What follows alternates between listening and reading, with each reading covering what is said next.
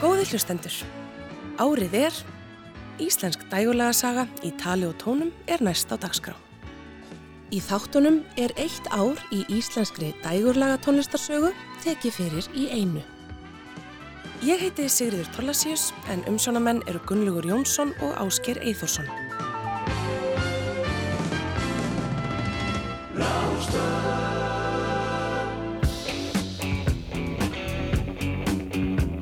Árið er 1980.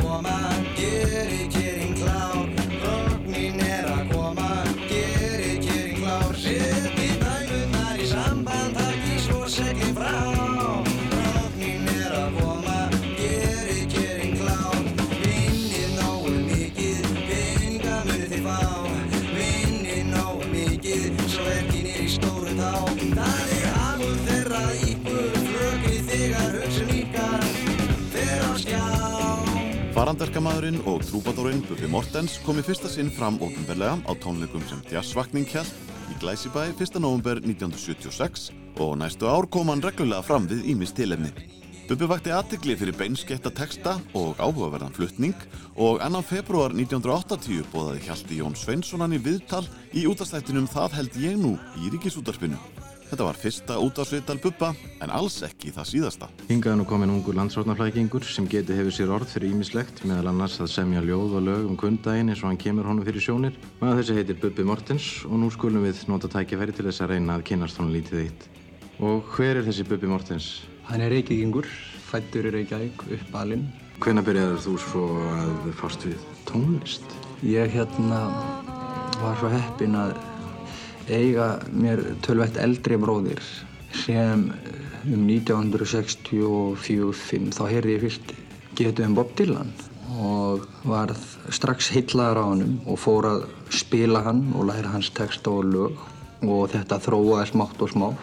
Þegar Bubbi var að hefja upptökur á fyrstu blödu sinni sumari 1979 vann hann í kassagerð Reykjavíkur. Á þeim tíma kynntist hann bræðrunum Mike og Danny Pollock sem áttu íslenska móður og bandarískan föður. Þeir voru mikli rataundur Rolling Stones og heldur líka upp á Iggy Pop og hljónstina Stooges sem heyrðist glögglega á gítalegg þeirra. Bubbi ætlaði sér að gera kassagítarplötu og hún átti að heita Hveð er yfir bænum. Platan var tekin upp í tóntækni, hljóðveri sem Svavar Gers átti og var til húsa í Ármóla í Reykjavík. Þar réð bassaleikarin og upptökumæðurinn Sigurður Átnason ríkjum og tókst góð vinátta með þeim. Kristján Fríman Kristjánsson heldur úti síðunni Plata Mánaðarins á Facebook og í júni 2020 fjallaðanum Ísbjarnablús. Þar maður heyra viðtal sem hann tók við Sigurð nokkrum árum áður. Þetta tók sinn tíma og ég vissi það að Bubbi veður ekkert í peningum. Þetta var bara listamæður sem var ungur og fátækur og mér varst alveg sjálfsagt að gefa hann tækifæri og setja ekki á að herðarnar á einhvern þunga rekning fyrir að skapa þessa músík. Samt fannst mér svona svolítið skrítið að Svavar var svona svolítið ergilugur út í þetta. Hann hefði átt að vera svona svolítið mikill businessmaður og sé það að hann hafi getað keift þarna ódýra vöru og selt alveg þó að vera ekki nema eitthvað smáveðis. Ég hef gripið þessa ætti og sagt ég gefið þetta út og setti íspjarnablúsin út. Hann hefði svolítið stór grætt. Sagði Sigurður Átnason upptökumadur á Ísbjarnablús en sagan segir að hann hafi rukkað Bubba um 80 upptökutíma en í raun hafi þeir verið að minnstakosti 280. Fyrst í stað spilaði Bubbi lögin sín á kassagítar og blés í munnhörpuna þegar hann var við upptökur í tóntækni en þegar vinnir hans kom í heimsókn fekk hann þá til að spila með sér í einu og einu lægi. Þetta átti að liði á upptökuferlið ágaf Bubbi að sleppa öllum kassagítarlögunum og gera frekar rockaða blúsplötu. Hann hitti jazzarana Guðmund Ingólfsson og Guðmund Stengrimsson á Múlakaffi sem var í næsta húsi við stúdióið og þeir spiluðu með honum í læginu Þorska Sjálestón. Ég hitti þá í Múlakaffi, Guðmund Stengrimsson og Guðmund Ingólfsson. Þeir svo, er að gera? Ég sagði, ég er að taka upp plötu. Já, hvað segir þú svo? Ég sagði, hefur ég ekki bara komað að spila? Hei, hvernig með þú að koma? Og bara, í kvöld, ok, svo mættu þeir.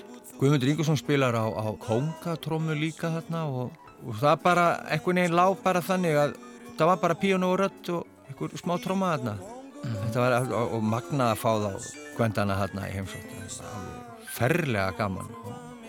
Það voru ekki margir sko í brasanum sem hefði trú á þessa blötu sko. Nei, Nei en, Þessi en þeir, þeir voru alveg, þeir voru í gýr og þeir voru sko knoll og toppmaði, þeir voru ógeðslega flotti saman. Nýr í móttöku öldungurinn stígur sem feiðar vald með þorskin við þann En kreftlúkan um stingin blífur kastar fisknum upp á færi bönn. Karfi uppsið þorskur ísa kannan og ákunnuland Á mataborð í Florida gælir við þáttemann skrætan Rockið tók smám saman völdin á þessum fyrstu upptökum Bubba Mortens. Titilag plötunar Ísbjarnablús samti Bubbi um miðjan 8. áratugin þegar hann vann við fiskverkun og hann spilaði lagið á tónleikunum sem hann held í Norrannahúsinu haustið 1978. Næsta lag sem ég ætla að spila er kallað Ísbjarnar blúsin. Það er samt að því ég var að vinna í Ísbjörnunum 75, eða réttar sagt 76 og hérna það var þannig að ég hef verið í aðgerð langt fram á nóttu. Og það eru tvær gamla konur sem voru að vinna með mér. Og voru búin að standa töluvert lengur í, í vinnunni. Og voru virkilega farnar að lykta að þreytu, svita og vinnu. Og samt ég svona frekar léttan blús um þetta Við velina hefur hún staði síðan í gæn Blóði í fingur illa líktandi tæk. Þúsund þoskar á færi bandinu þokast næ Svona átti Ísbjarnablúsin að hljóma þegar vinsla plötunar hófst en Sigurgeir Sigmundsson gítarleikari var í hópi Vina Bubba sem kíktu í heimsókn í tóntekni og tók lagið með honum. Og það er ekki annað hægt að segja en að Sigurgeir hafi sett svip sinn á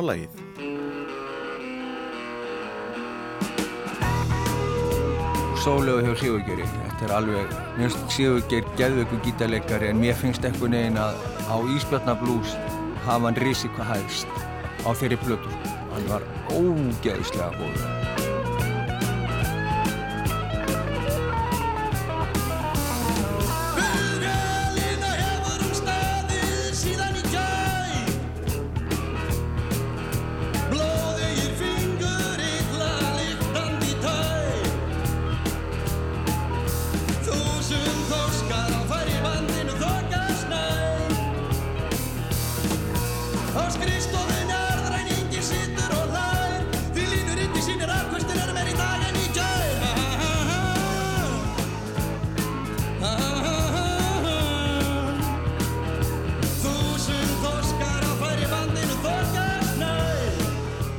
Að vinna í íspytunum og varst rekin og það þú nú sagt frá þessu. Ég lendi upp að koma atnar sko.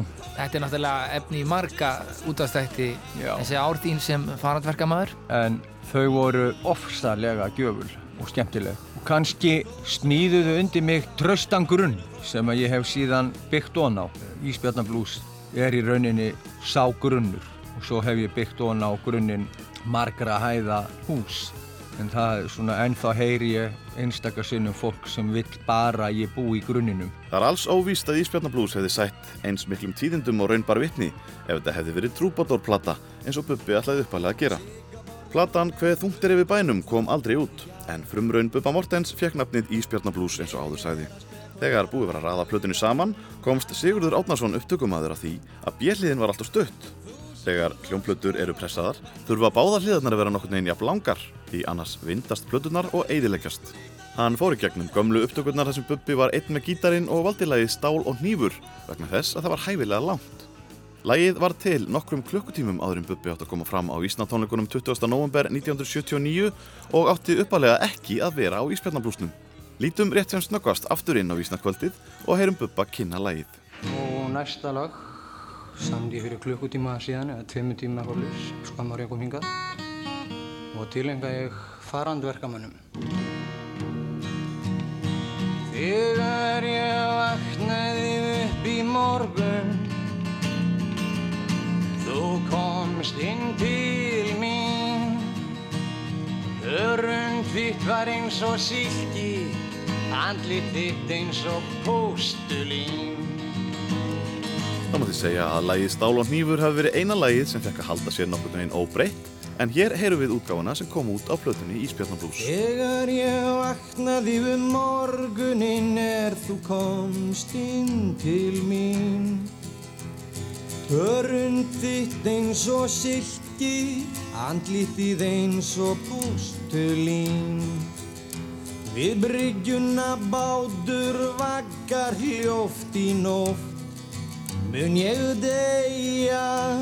Mig dreymdi dauðinn, sagði kondu fljótt. Það er svo margt sem ég ætla þér að segja. Ef ég drukna, drukna í nótt Ef þeir mig finna. Þú getur komið á mig sótt Þá vil ég á það minna Stál og hnífur er merki mitt, merki farand verkamanna. Þitt var mitt og mitt var þitt meðan ég bjó á meðal manna. Síðasta lagið er síðasta lagið á plötunni. Það er stála nýfur og það er skreið inn bara, það fekk að vera með. Já. Þetta lag átti aldrei að fara á plötuna, það er doldið magnað og, og þetta er það lag sem hvað, eitt af mínum, já, frægari lögum. Já. Furðulegt, maður veit aldrei neitt maður. Þetta var bara svona stemmingalag til að ná í pýjur upp að verbúð. Ég er alltaf efn hýst á því hvað þetta lag var vinsælt. En svona sker hlutinir. Þetta lag bara óks yfir höfuðið á mér. En þessi plata, ég sagði því að þetta var svona eins og köld vaskus á framann í íslensku þjóðun og margir sögðu bara loksins, loksins, það var einhver dóði í íslensku tónlistarlífi. Það var ofbósli sprenging með þessari plötu, alveg, alveg ofbósli sprenging og maður lendi því þú veist að múur og margmenni eldi mann eftir tónleika og reyfi mann og sleita manni keðjur og fött og maður þurfti að hlaupa, hlaupa í burtu og... Bubbi Morten sagði Frey Eyjólfsinni sögur úr bransanum í útastættinum Gengt en ekki glemt á Rás 2. Ísbjörnablús fekk fjóra stjórnur í tímanum þar sem Eiríkur Stefán Eiríksson skrifaði að platan bæri með sér ferskan andblæ inn í Íslands tónlistarlíf. Í textum lagana væri fjallað um mannlífið á tæpitungulausan hátt og þeir væri lausur við þá væmni sem hefði enkjent íslenska dægulega texta. Heilsíðu umfjöldin Halldórs Inga Andréssonar um plötuna í morgumblæðinu endaði á þessum orðum. Hér er á ferðinni söguleg plata í íslensku rocki. Bubbi Mortens á eftir að verða mjög ábyrrandi og leiðandi afl í rockinu ef platan gefur rétta mynd. En það voru ekki allir jafn gladir. Mentamenn tókust á um hvort Bubbi kynni íslensku, hann var skammaður fyrir að beigja sum orðin vittlaust, setningaskipaninn þótti sérkennileg og haldi var málþing í Háskóla Íslands um þennan unga gúan og rockara og textana hans. Unga fólkið hafði þá ekki mikinn áhuga á að hlusta á eitthvað fræðilegt kjaftaði um rétta og ránga textagerð. Svo merkilega vill reyndar til að tveir af umdeldustu textunum á Ísbjarnablús voru ekki eftir Bubba. Þorlákur Kristinsson eða Tolli, bróðir Bubba, samt í textan við lagið MB Rosin og Gunnar Ægjesson, vinnur Bubba, samt í textan um Jón Pönkara sem þjónar fyrir alltari. Sóknar börnin sitt í leður stólum með stillanlegur baki og dæsa við Bryðja saltkeks, mella fingrum í takt við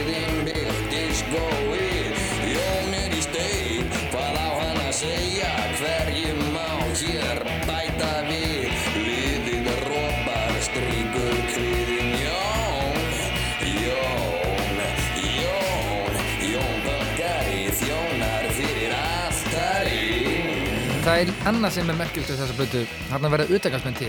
Þarna datt allt inn, það datt allt inn með þessari plötu. Punkbylgjan, nýbylgjan, ég, utangarsmenn, allir þessi, þetta er bara einhvern veginn summaði stefnin. Tala um þessa blötu sem algjör tímamóta blötu. En utækastmenn, þessi Pollock-bræður og utækastmenn, sko, ykkur var ætlaði að hittast og ykkur var eiginlega ekkert annað ætlaði en að skilja líka. Þetta Já. var bara einhver svona sprenging. Utækastmenn störfuðu ekki lengur enn í hvað, eitt og halvt ár. Já, frábæri náungar, Danni og, og Mikki, fullir af hæfileikum og voru mikið forréttindi að fá að kynnast þeim og, og, og vinna með þeim. Og þeir höfðu svo sannarlega sín áhrif á mig. Þetta lag skrifaði þá utækastmenn og Jón Pönkari, já, þetta er, Já, þetta er upp að Pönkbylgjunar á Íslandi. Já, það má segja það. Já, utakastmenn, einhver kraftmesta hljómsveit landsins var til um svipa leiti og Bubbi var að ljúka upptökum á Ísbjarnablús. Pollockbræðinir Mike og Danni höfðu aðeins komið í sögu á Ísbjarnablús og með þeim og Bubba fiknaði svo hugmynd að stopna saman hljómsveit. Ísbjarnablúsin kom út 17. júni 1980 á vegum bókaútgáfnar Eðunar og fekk frábæra dóma. Nokkru viku síðar gerðu utakastmenn samning við hljómblötu fyrirtæki Steina HF en meira um það síðar í þættinu.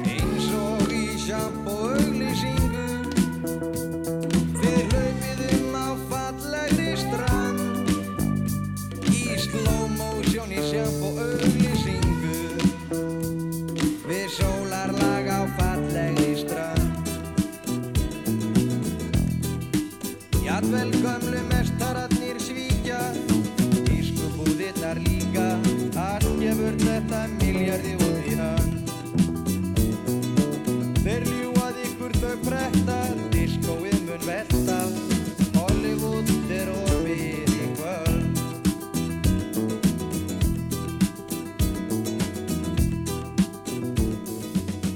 Árið er 1980.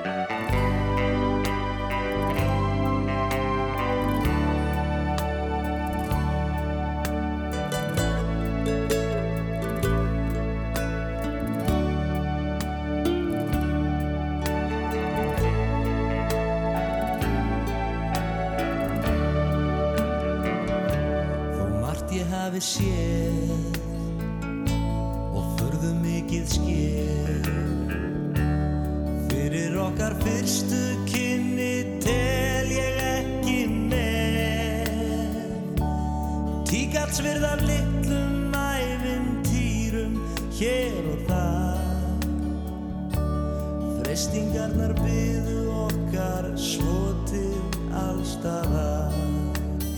Fyrsta útlutun úr kvikmyndasjóði fór fram vorið 1979 og það var til þess að þrjár leiknar íslenskar kvikmyndir voru frumsyndar árið 1980 og það ár markar upphaf samfeldrar kvikmyndagerðar hér á landi.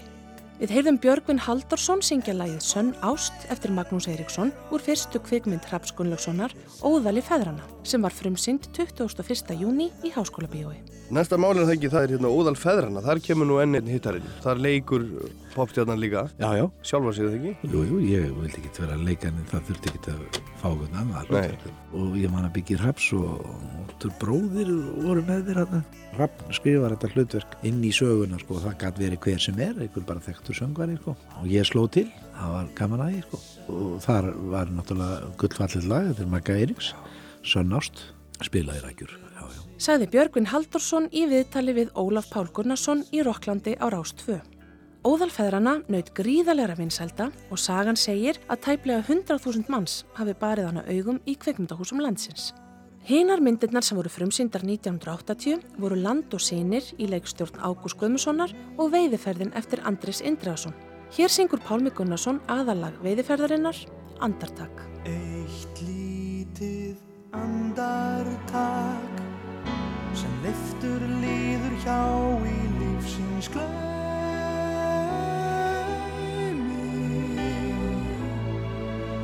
minning sem æsir meira en þúsund orð.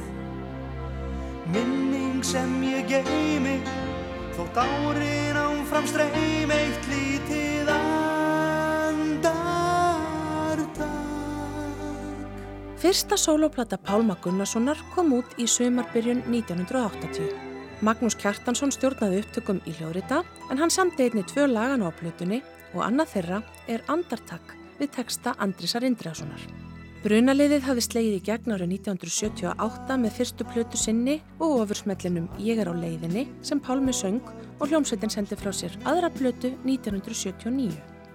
Jón Ólafsson útgefandi vildi að Pálmi fylgdi velgengninni eftir með sóloplötu. Eftir fræðina á brunalisplötunni þá hefum við grunna með það að Jón Vinn minn Ólafsson, hann ætlaði sér að nýta kraftana. Mér minnir að hann hafi komið til minn og sagt, ef við ekki gera sóloplötu. Ég skila náttúrulega mörgulti, hann var náttúrulega bara útgefandi og hann, hann var með einhver nöfn sem voru svona þakkalega stór og þá var spurningum að nýta þau. Og ég, sko, ég segir alveg svo sko að á þessum tíma var maður ekki alveg, bóstar ekki tilbúin í þetta, sko. Sukkaði mikið á þessum tíma og veist, fannst þetta ekki alveg tímanbært en svo byrjiði að koma lög. Þetta stendum alltaf fellið með því að þegar þú færi gott lag í hennar þá, þá fer maður að vera tilbúin og það komið alltaf lög sem að hérna, virkuði alveg. Á þessari fyrstu sólaplötu Pálma er kanadíski trommarinn Jeff Siopardi í stóru hlutverki. Hann kom til Íslands 1979 til að tromma með brunaliðinu og ílengtist.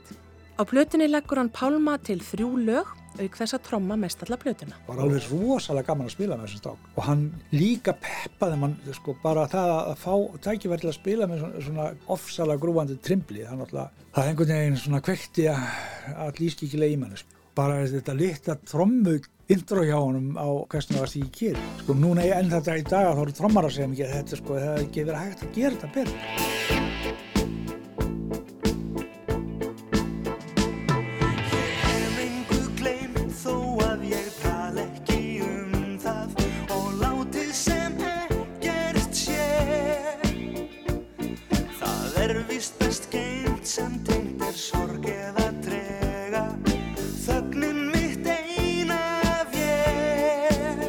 reggikabli sem ég set þarna í og þessi bassalína, það kemur frá mér og def. Það verður til á staðnum. Hvernig verður hann best listur? Þá er svona bara einhvern veginn as it goes, þá byrjar þetta að prjóna upp á sig og, og endanum er lagið náttúrulega klár. Eftir það taka svo við aftur á móti eins og rattirna sem verður náttúrulega alveg fabulous á þessu lagi. Samt leitar hugur minn heim til þín Uns heitur sásaukin við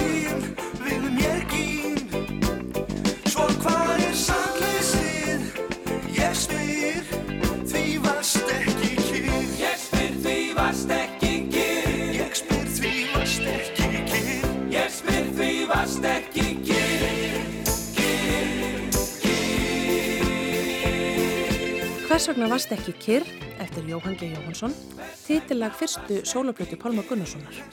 Haldur Ingi Andrusson sagði í dómi sínum í morgunblæðinu að platan veri vel hefnuð og hann var klára því að titillagið og lagið Vegurinn heim eftir Magnús Eiríksson yrðu lögin sem myndi gera þessa plötu vinsala og sá spátamur rættist.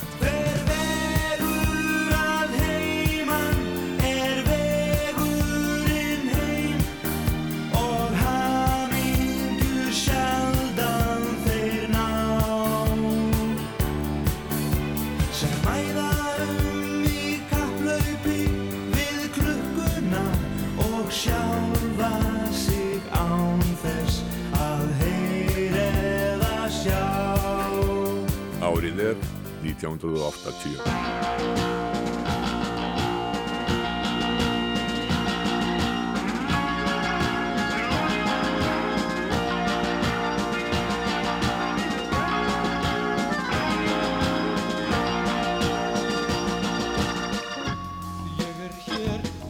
Ég minn allstaðar Þú ert þar og ég er hér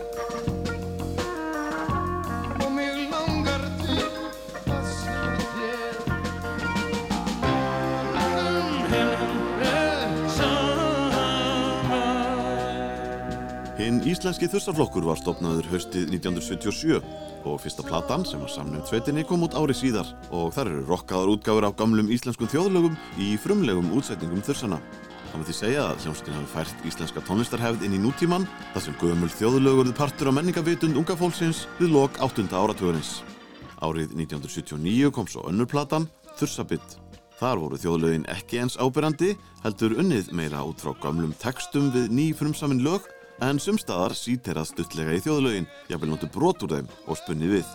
Sveitin var duglegu tónleikahald þetta ár og fór meðal hans í tónleikaferðum Norðurlöndin síðsumas og ferðaðist vítt og breytt um Danmörku, Svíþjóð, Noreg og Finnland næstu mánuði við góðar viðtökur, auk þess sem þursar döldu nokkurt skeið við tónleikahaldi í Hollandi og Belgíu. Flokkurinn sendi svo frá sér tónleikaplötu árið 1980 sem fekk einfallega nafnið Þursaflokkurinn á hljómleikum. Helgarpósturinn greindi frá því í aðranda tónleikana að þursarnir væru fyrstu poptónlistamennir sem heldu tónleika í þjóðleikúsinu en á plötunni er meðal annars að finna fjögur lög sem ekki hefur verið gefin út áður með hljómsveitinni og við heyrðum brot úr sjómarsbláma eftir Egil Ólafsson.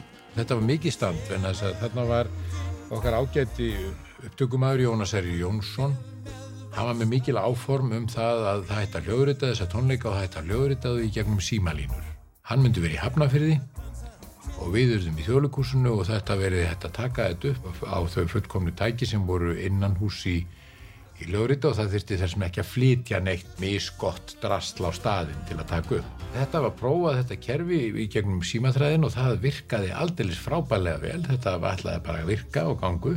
Svo þegar að líður að tónleikunum, það verið kvöldmataleiti og þegar átt að hefjast klukkan átta, þá kemur á daginn að það er ekkert hægt að taka upp í gegnum þessa símalínur en það er svo óheirilugur háfaði allt í unna á línunni. Þá hefðum við ekki reiknað með því að þá er búið að kveikja öllum eldaveljum í Kópói og Hafnafyrði og Reykjavík og það myndaðist einhvern span sem gerði það að verkum að það trublaði þetta merki í gegnum símalínunar og þá voru góður á dýr, þá var það bara að hlaupa til og bjarga öllu þarna á með tíma og það var farið í það það var gert og tónleikarnir voru teknir upp á, á átta rása segulband og uh, það var það segulband sem við notuðum við að taka upp okkar blötur svo næstu blötur. Egil Ólafsson reyðið upp upptökur á hljómleikaplötu Þursana í heimildamindinni hinn íslenski Þursaflokkur.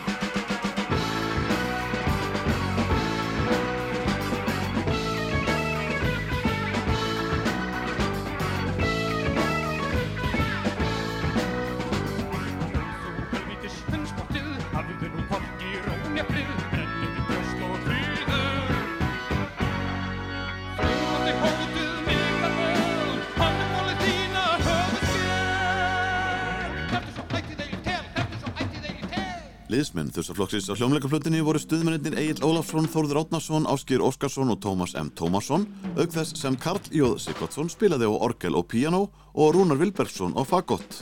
Platan var hljóðrituð í þjóðleikúsinu 19. mæ 1980 og gefin út fjórum mánuðu síðar.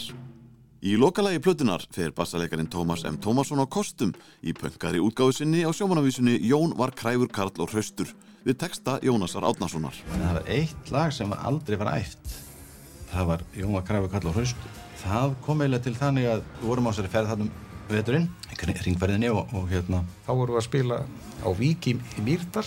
Það voru flestir hérna, áherindur sko, mættu með hérna, með fullt af víni með sér og menn voru komnir í óalið stuð sko, var svo var einhverju fann að segja sko, þið getið ekki bara að spila þessi þungu þjóðlög og hafa búið að klappa okkur upp þrýsasinnum og, og liðið vildi ekkert hætta þá, hérna, þá mundi eftir því að ég og Horður að þau verðum að spila einhverju þrítu sammali nokkru vikum áður á kassagítar og þá höfðu við hérna, tekið lægi með Jónas Átnarsinni, Jón var kræfi kall og hraustur bara í, í gömlu útsetningunni hans.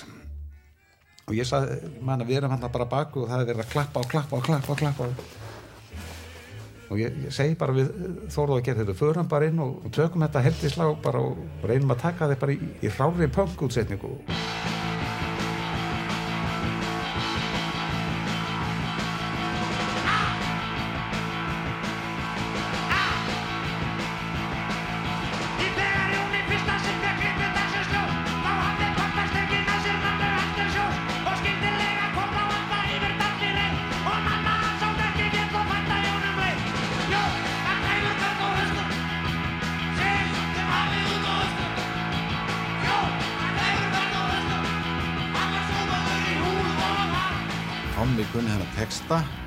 ákveðið bara hérna um þessa tóntegund og fyrst svona kabla og svo tökum við hérna svona nokkar takta og svo Ég sagði bara að Geira farið bara inn, byrjaði bara svona eitthvað hrattbít og síðan komum við Þórðurinn og ég myndi textan ákveðna því, því ég var nýbúin að syngja hann í þessu anmæli.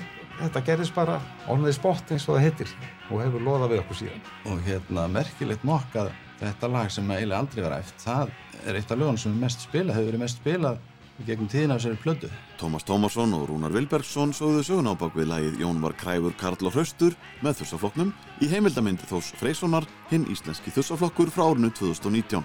Það var lag ásins 1980 í vinsættafali dagblassins og vikunar. Þursarnir voru í öðru sæti á listanum yfir hljómsveitir ásins og tónleikaplatan á hljómlegum var í fjórðasæti í valinu á plötu ásins.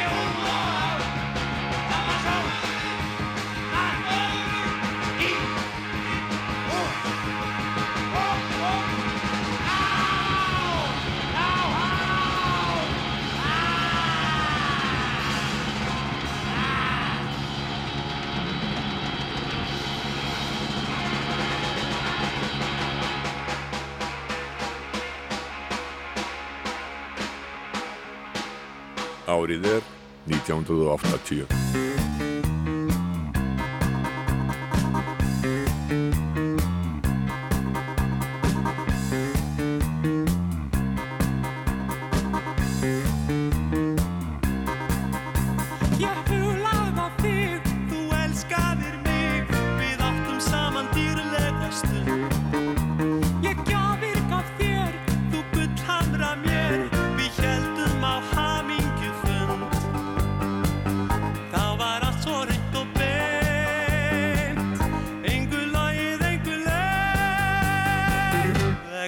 þess að það þarf tvö í tango Og tökinn eru engin líf Hljómsveitin Pónik hafði verið til í tæplega 20 ár þegar fyrsta stóra plata sveitarinnar, Útvarp, kom út í lok ársins.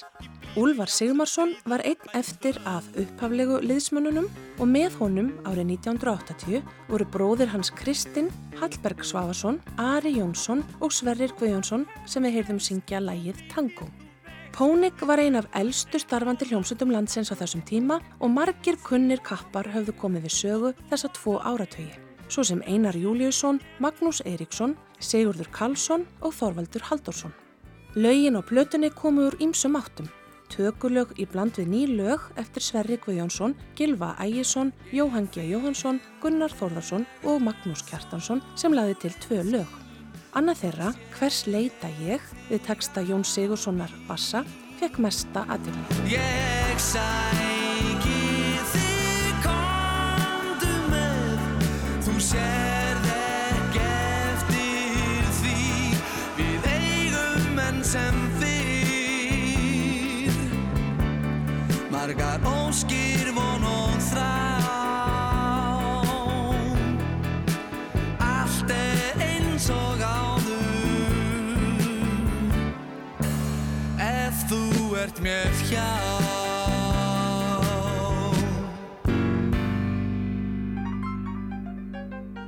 Árið er 1980.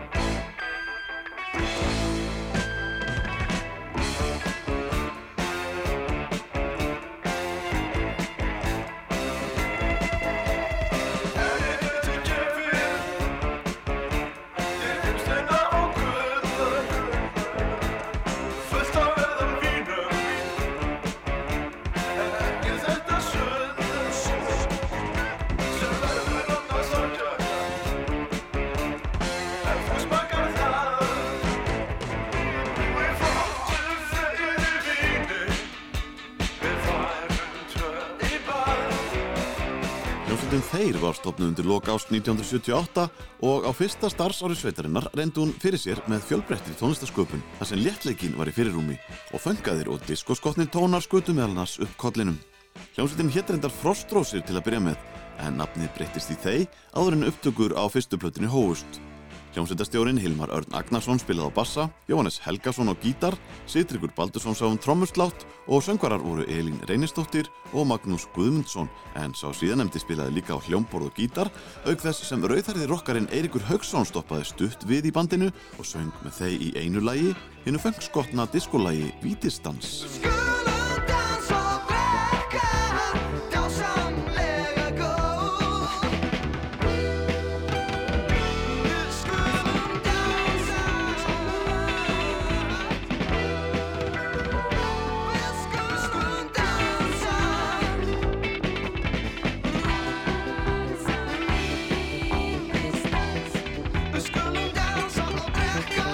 Gestasöngvarinn Eiríkur Haugsson söng Vítistans með hljómsdynni Þey sem rataði á fyrstu plötu sveitarinnar Þagaði hel.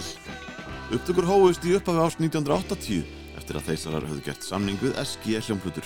Þetta tímabil, það var fyrir okkur sko, kemur svona óvænt vegna þess að aðdraðandina því áður við dettum inn í þetta svo kallaða punk tímabil, þessa nýbylgu, alveg ómeðvitað sko óvart. Og ég alltaf vilja meina það að við höfum farið inn svolítið baktir meginn inn í þennan bransa. En þess að við uh, stiltum upp okkar prógrami þannig sá að Gess heitinn, hljómplutu útgefandi, hann fekk uh, upptöku frá okkur og við gerum í því að, að semja svolítið abbakent lag. Og Svavar fjall fyrir þessu ákvaða að gefa út þessa hljómplötu sem var, varð okkar fyrsta og hétt Þagaði hel. Og hann vildi sjálfur meina að þarna væri komið sko svar Íslands við ABBA Sagði Magnús Guðmundsson söngvari þeis í viðtali í þættinum Punk á Íslandi á Rás 1 árið 1997 Bróðir Hilmars bassalegara, Guðni Rúnar Agnarsson, Plutusali og annar umsjónumanna útastáttarins áfanga á Rás 1 fylgdist náið með bandinu og leist ekkert allt og vel á í hvað stemdi í tónlistasköpuninni. Þegar þeisarar tók sér frí frá upptökum sumarið 1980 mataði Guðni Rúnar hljómsdæðmeðlimi með nýri og feskri tónlist sem hafði þau áhrif að lagasmiðarnar tóku stórkostlegum breytingum og þá eins og ný hljómsveit hefði mætt í hljóðurinn eftir sumafríð. Á stuttum tíma þá þróast þessi hljómsveit uh, frá því að vera svona hálf, þú veist, plebbaleg hljómsveit, einhverjir, einhverjir melir sko í, í strygaskóm og og, og svona ákveðin í tegunda jökkum sko, hálgert Eurovision gengi og upp í það að verða svona hugsandi fólki og, og þetta ferli það gerist á svo ótrúlega skonum tíma. Breska bylgjan barst til Íslands eiginlega. Og menn hættu að hlusta á ameríska músík og fóru að hlusta á nýbylgjuna frá Breitlandi það er eiginlega það sem gerðist þarna sömarið ég held að Guðni hafi umhund verið mikill áhrifaldur í því. Þá var hann að smita viðkvæma eiru ungmennana með þessum punk-óþverra frá Breitlandsegjum sem hærði svona sessilega upp í tónlistalegu sálarlífi okkar ungmennana. Og það gerðist þarna með þessa drengja þarna í þeir að, þeir vöknu þarna eitt sömar þegar þeir voru að vinna, tóku sér hlið frá sinni stúdjóvinnu við þessa hljómblötu gerð og bara vöknuðu og, og allt breytist. Það var ekki bara músikin sem breytist, heldur að þeir lipnuð bara við og það var allt í hennu gaman á ný sko að virkilega umgangast á í þessari sköpuna gleði þar sem þeir voru að búa til alveg indislega tónlist. Sagði Guðni Rúnar Agnarsson um breytinguna á hljómsdynni þeir sem var orðina kröftur í nýbylgjurokksveit eftir sumafríð 1980.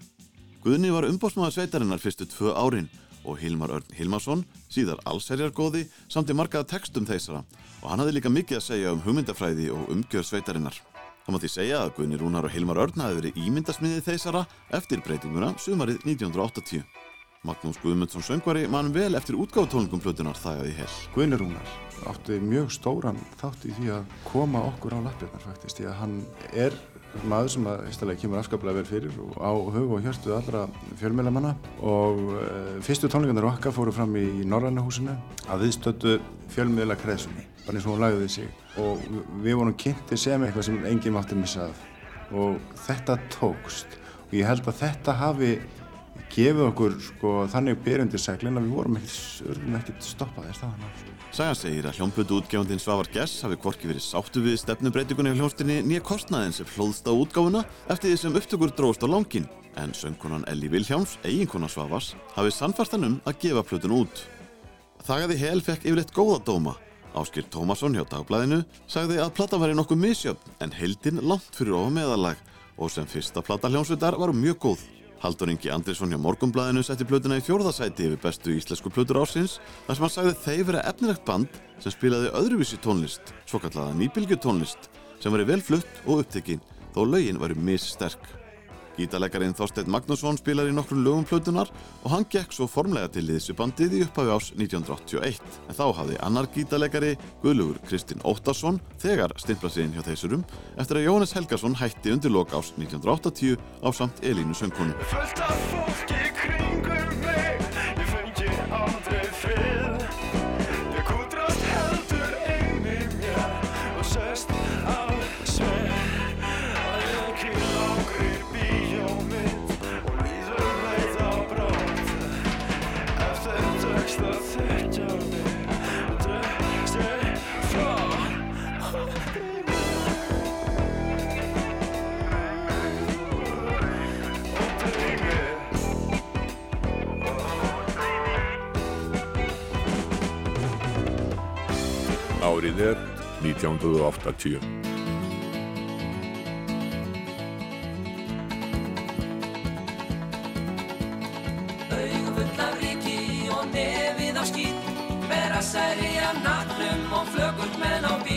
Er lasinn og svangur með hálsbólgu og allt Viltur ferðar langur og rosalega kallt Grínbræðurnir Halli og Latti gaf út sína fjórðu plötu undir loka ásins. Það var farið að örla á þreytu í samstarfinu og í viðtali við dagbladið saði Halli að þeir ætlaði að slíta samstarfinu en tók skýrt fram að það veri gert í mersta bróðurni. Halli væri nýbyrjaður sem sölumæður hjá bílaumbóðinu Jöfri en Latti hýðist halda gríninu áfram og stemdi að sólaplötu árið eftir. Platan heitir Umhverjusjörðina á einni plötu og þar ferðast Halli og Latti um heimsbyðuna í 13 lögum. Tómas M. Tómasson stjórnaði upptökum og félagar hans úr þursaflokknum, Ásker Óskarsson og Þórður Átnason voru ábyrrandi í hljóðfæraleiknum. Við heyrðum áðan brot úr læginu Tavist í Texas en í næsta lægi eru bræðurnir komnir til Köpen. Jæja, nú kemur svo vel að kona dönskuna. Skólinn sá um það.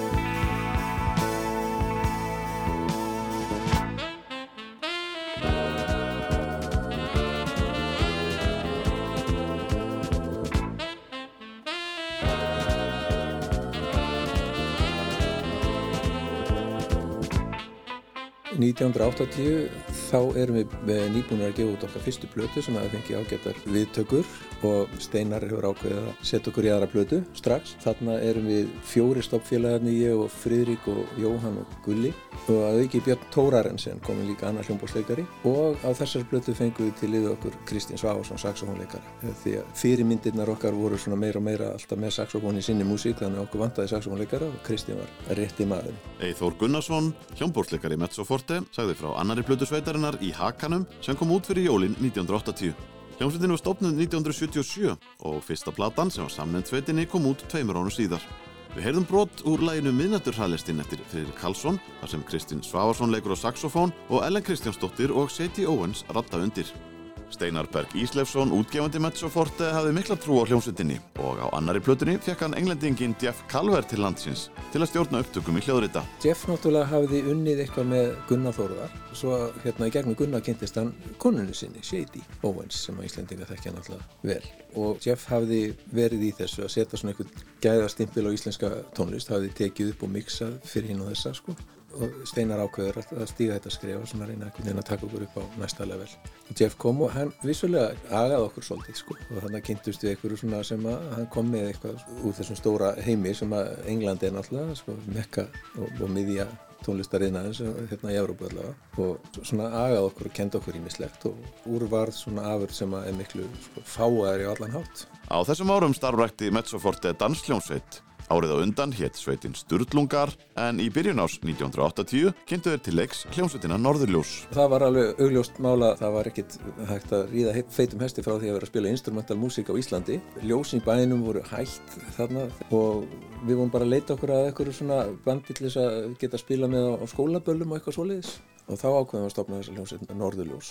Og það erum við með svo menn, við stoppfélagarnir og Björn Tórarensen og svo fengum við Ellendlis að syngja og Guðmund Torfarsson sem er nú þekktastu fyrir fótboltaspark.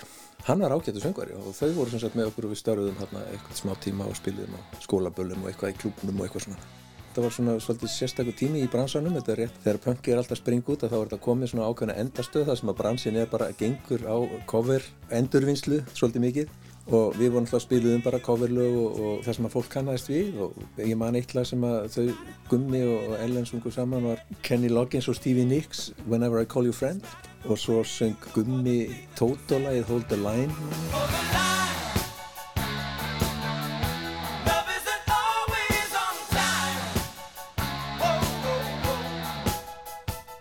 Karlsson sagði í viðtali við morgunblæðið í lok januar 1980 að Norðurljós stendi að því að taka upp dægurlega plötu með nýjum lögum eftir Magnús Eiríksson, Gunnar Þórðarsson og fleiri. Það kom hins vegar aldrei til þess og hljómsveitin lifði aðeins í nokkra mánuði en Mezzoforte helt sínu striki og hérlega stjörnurhap að plötunni í hakanum farið af stað.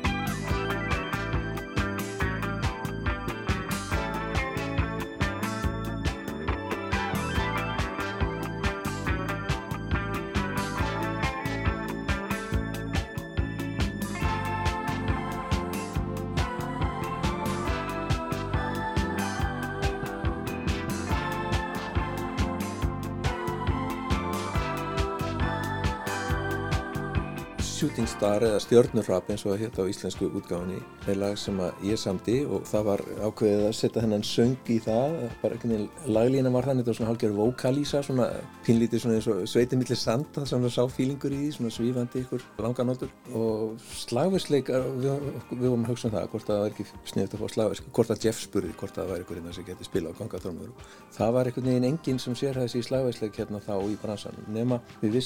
englendingi sem var fluttur hingað hérna. Hann hétt Bobby Harrison og hafði helst unni sér það til fræðar að vera trommuleikar í hljómsveitinni Procol Harum.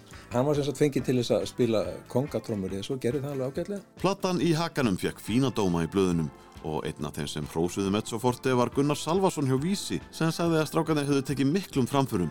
Platan væri unnin af einstakri alúð sem jadraði við smámunasemi en gæfi þessari tónlist mikið gildi. Lægið Stjörnurhrap var svo gefið út á 12 tómu smáskífu í Bretlandi sem átti að höfða til diskotekara á klubunum og nefndist á Shooting Star. Af því tilefni mixaði Jeff Calver lægið upp á nýtt í Bretlandi þar sem liðsmenn Mezzoforte voru ekki viðstattir og það kom þeim í opna skjöldu þegar Jeff skipti út trommuleik Gunnlaugs Brím í læginu.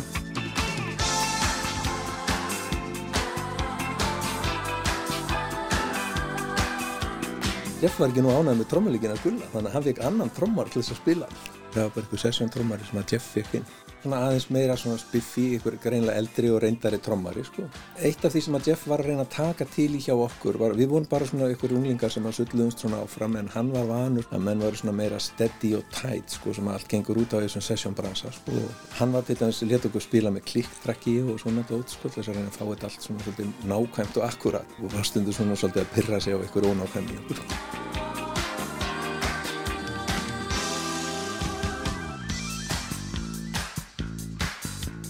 Árið er 1980. Ég veit þú gafst mér alla þína ást Ég gaf þér allt er átti ég í staðinn Við munum kannski aldrei aftur sjást. Því nú ertu komin til að kveðja Nú ertu komin til að kveðja Hún er stofnuð Norri Skagafyrði á Hafslósi 1976. Fyrst það voru við nú fjögur, þetta var svona ABBA-koncept, 2 og 2. En uh, síðan uh, 79 þá fórum við tveir úr hljómsettinni í samfunnaskólan á Bifröst. Ég og trommari þá verði Ingemar Jónsson. Þá veru var þessum teningum kastað þar hittum við fyrir Magnús og Sigurd Abjarsson og skólastjóran Ingi Bersson og þá svona fór þetta allt á stað. Kristján B. Snorrason rifjaði upp hvernig hljómsveitin Upplifting var til í þættinum Geimt en ekki glemt á Rástvö. Hljómsveitin tók stakkaskiptum þegar Kristján og Ingimar hófu nám á Bifröst og ekki skemmti fyrir að skólastjóri í Bifröst var Haugur Ingibergsson. Magnús Stefánsson, söngvari og bassaleikari rifjar upp. Hann hafði strax áhuga á því að við færum að tækjum eitthvað upp sko. Og þetta þróaði svona á og haugur svona kannski ítti á eftir þessu svolítið. Og uh, niðurstaðan var svo að hann hafði samband við Sava Gess sem það var plötu útgefandi og átti stúdíu hérna í Ármólanum, SG hljómblötur á og hérna samti við hann um útgáfa þessu að Kristján hefur vel skumað því eitthvað líka. Haugur skólastjóri kom mikið við sögu á plötunni, spilaði á gítar og píanó og samti tvö lög. Annað þeirra var titillag plötunar Kveðjustund sem við heyrðum áður. Það var mikill fengur fyrir hljómsettina að Jóhann G. Jóhansson fjálst á að stýra upptökum. Auk þess sem hann laði til fjögur lög og þar á meðal ofursmellin Tröstur vinur. Engin veit Fyrr en reynir á Hvort vini Áttu þá Fyrir heit Gleimast á furðu Þegar fellur á niðdim nótt Jói átti þetta lag og leiði okkur að heyra það og bauði okkur að taka upp hana og við gerum það. Ef mann rétt að við höfum ekki haft neina sérstaklega trú á því að þetta er vinsalt sko. Það var ekki tannig, við, bara, við vorum bara að taka upp og hafa gaman og vorum kannski ekki á þeim tíma að hugsa um einhverja vinsalda lista eða eitthvað slít. Svo bara virkaði þetta mjög vel og ég veit reyndar að Jóhann hafi bóðið öðrum, ja, miklu starri tónlistamenn en okkur kannski, þetta lag áður, en hann, hann valdi annað lag í staðinn. Tröstur vinur, mannstu þetta í lagi? Já, já. Tröstur vinur, veri, veri. Brimklótt að taka þar. En einhvern veginn þá vorum við ekki að fíla það, sko. Okkur fannst að einhvern veginn, nei, þetta er ekki alveg að gera. Og uppflytting tók og, og lifa því enn dag í dag. Saði Björgun Haldarsson sem rifjaði upp að hljómsveitin Brimkló afþakkaði lagið Tröstur vinur þegar Jóhann G. Jóhansson bauð þeim það á plötu sína Eitt lag enn sem kom út 1978. Já, sagt er að Þegar á könnunni ölið er Fljótt á vinurinn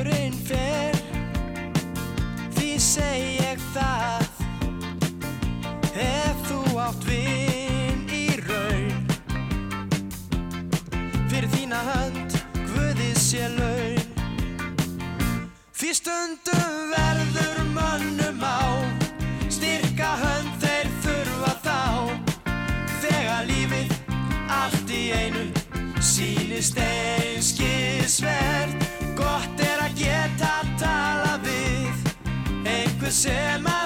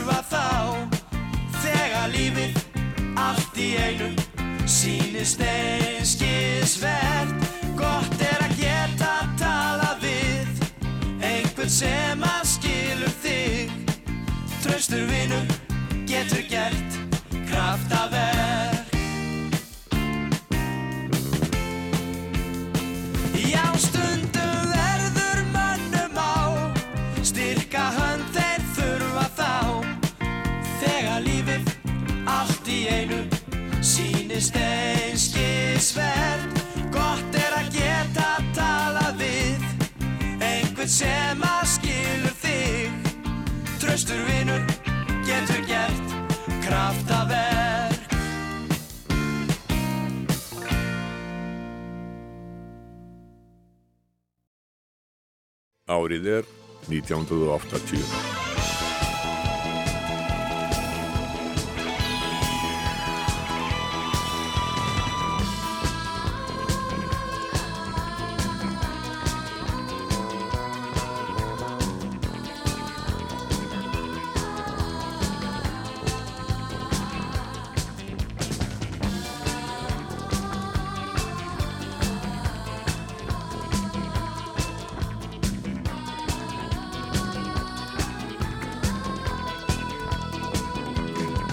Diskotúetin Þú og ég var stopnaður 1979 og var afsprengi Gunnars Þórðarssonar og Steinars Berg Íslefssonar útgefanda.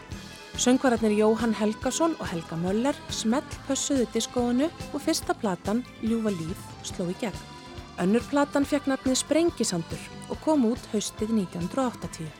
Hún var byggð upp á svipaðan hátt og fyrirplatan með frumsöndum lögum eftir Gunnar og Jóhann. Þá voru á plötunni eitt lag eftir Egil Edvarsson, eldra lag Gunnars í nýjum búningi og tvær eldri íslenskar perlur. Önnu þeirra var Sveitin milli sanda eftir Magnús Blöndal sem við heyrðum á.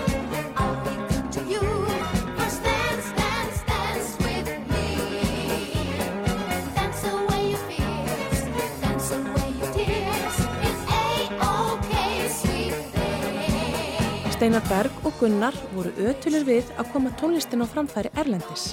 Þeir kynntu lögin til dæmis á Mítem-ráðstefninu í Fraklandi í byrjun ársins og þar myndaðist áhugi í Svíþjóð og Japan og stemt var að því að gefa duetten út á alþjóðlegu markaði á nýju ári. Vinna hófst við að taka upp nokkur lög af fyrstu plötunni á ennsku. Þar á meðal var læðið Dans, Dans, Dans sem þú og ég fórum með í alþjóðlega söngvakeppni í Pólandi um haustið og komust í fjórðasæti af 28. Á plötinni Sprengisandur var það hins vegar lægið Í útilegu eftir Gunnar Þórðar við texta Þorsteins Eggessonar sem fekk bestar viðtökur. Og í fjögara stjórnu dómi Eiríks Eiríkssonar í tímanum fullirti hann að það veri mest grípandi lag sem komið hefði út á Íslandi á árunum.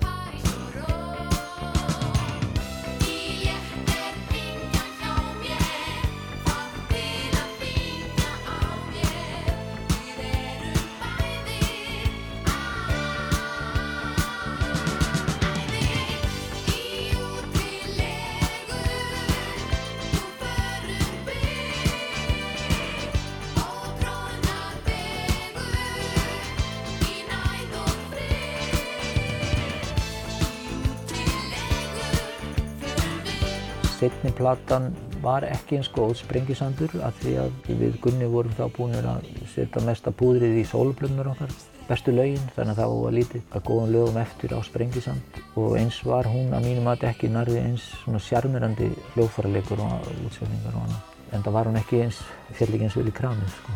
Eitt lag hann í útilöfjú sem var mjög vinsalt. Rifjaði Jóhann Helgason upp en bæði hann og Gunnar Þórðarsson voru byrjaðir að undirbúa sóluplötu sínar sem komu út árið síðar. Jóhann bauð Gunnari að nota lagið I Give My Everything á plötuna sem hann afþakkaði og það endaði á plötu Björgvins Haldurssonar og Ragnhildar Gísladóttur með íslenskum texta undir nafninu Ég gef þér allt mitt líf og sló heldur betur í gegn.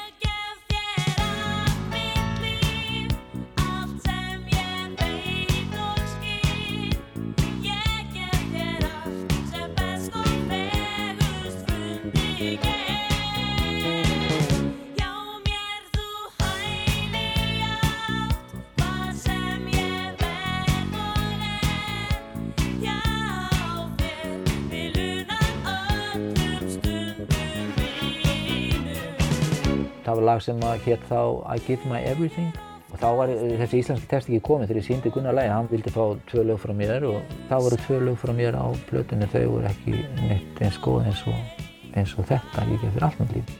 Ég presenteraði þá fyrir þegar Jón Ólafs var að gera með Björgvaröku þarna dagar og nættur og þau tóku það og settu í hendunar á Jóni, Jóni Bassa texta að gera. Og það gefur mjög, mjög flott sko. Jóhann Helgason rifjaði upp hvernig það kom til að lag hans Ég gef þér allt mitt líf endaði á plötu Björgvins og Ragnhildar sem fikk heitið Dagar og nætur og kom út um hausti.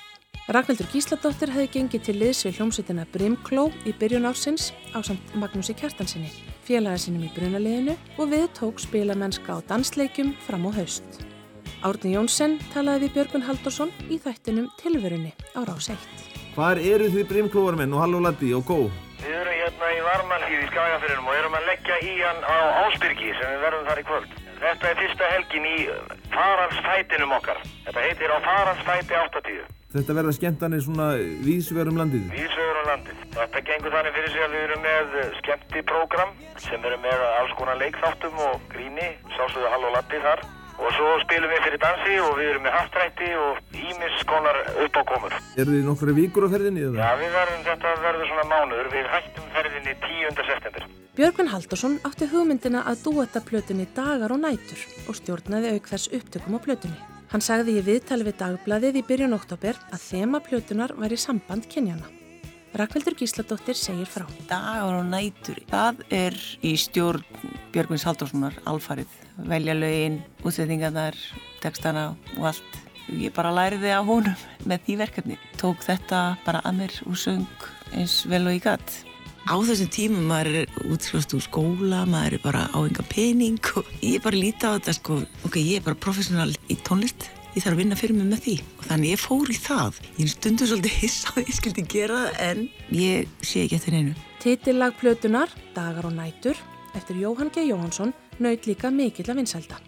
Í viðtali í dagblæðinu 20. oktober sagði Hildur Eiríksdóttir, umsjónamaður óskalaga þáttarins lög unga fólksins, að fyrir þátt kvöldsins hefðu borist yfir hundrað bref og lang flestir bæðum Ragnhildi og Björgvin á plötunni Dagar og nætur. Í kringum þetta tímabili þá gerum við dagar og nætur. Það ger ég að hluta til hér og fer svo ellendis og klára hana þar. Það er svona diskó, dagar nætur og ég gef þér allt mitt líf og allt það.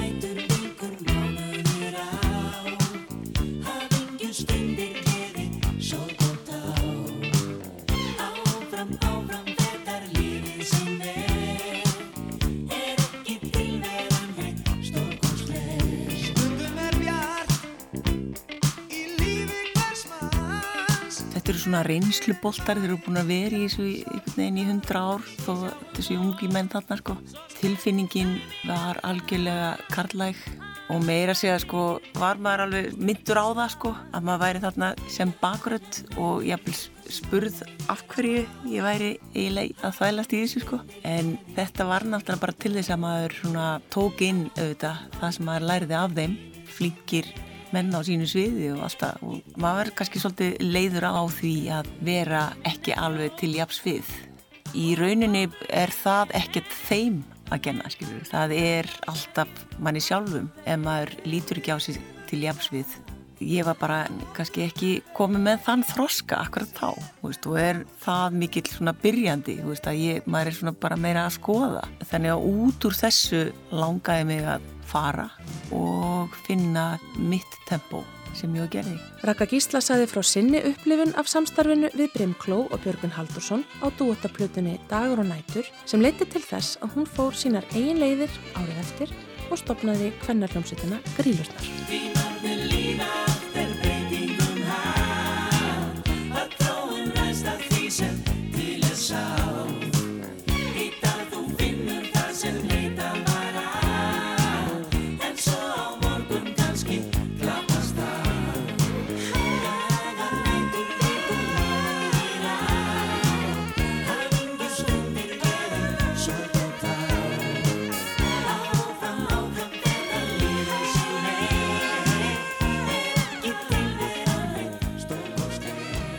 Árið er 1980.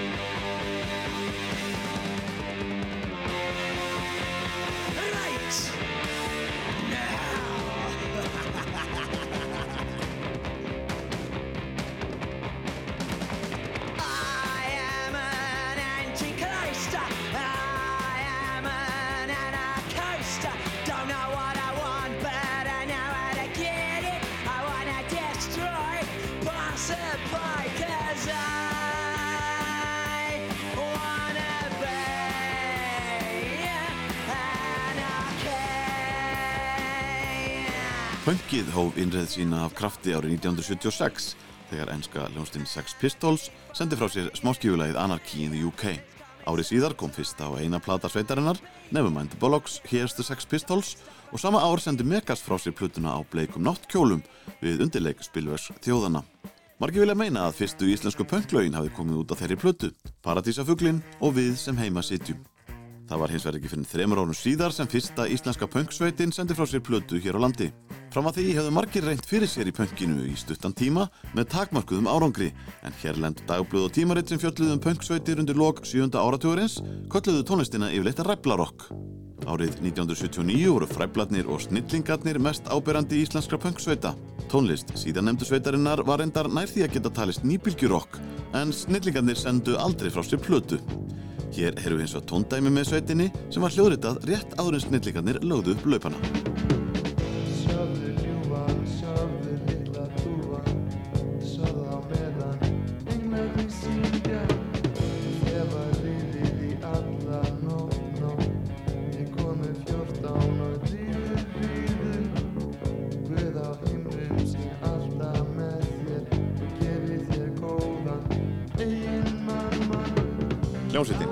Snillingarnir var skipuð akureyringunum Átna Daniel Júliusinni og Steinþóri Stefánsinni og kópáksbúunum Ríkarði Friðriksinni, Arnóri Snorrasinni og Árna Ísberg en sveitin hætti störfum vorið 1980. Stein þegiði. Árið er 1980.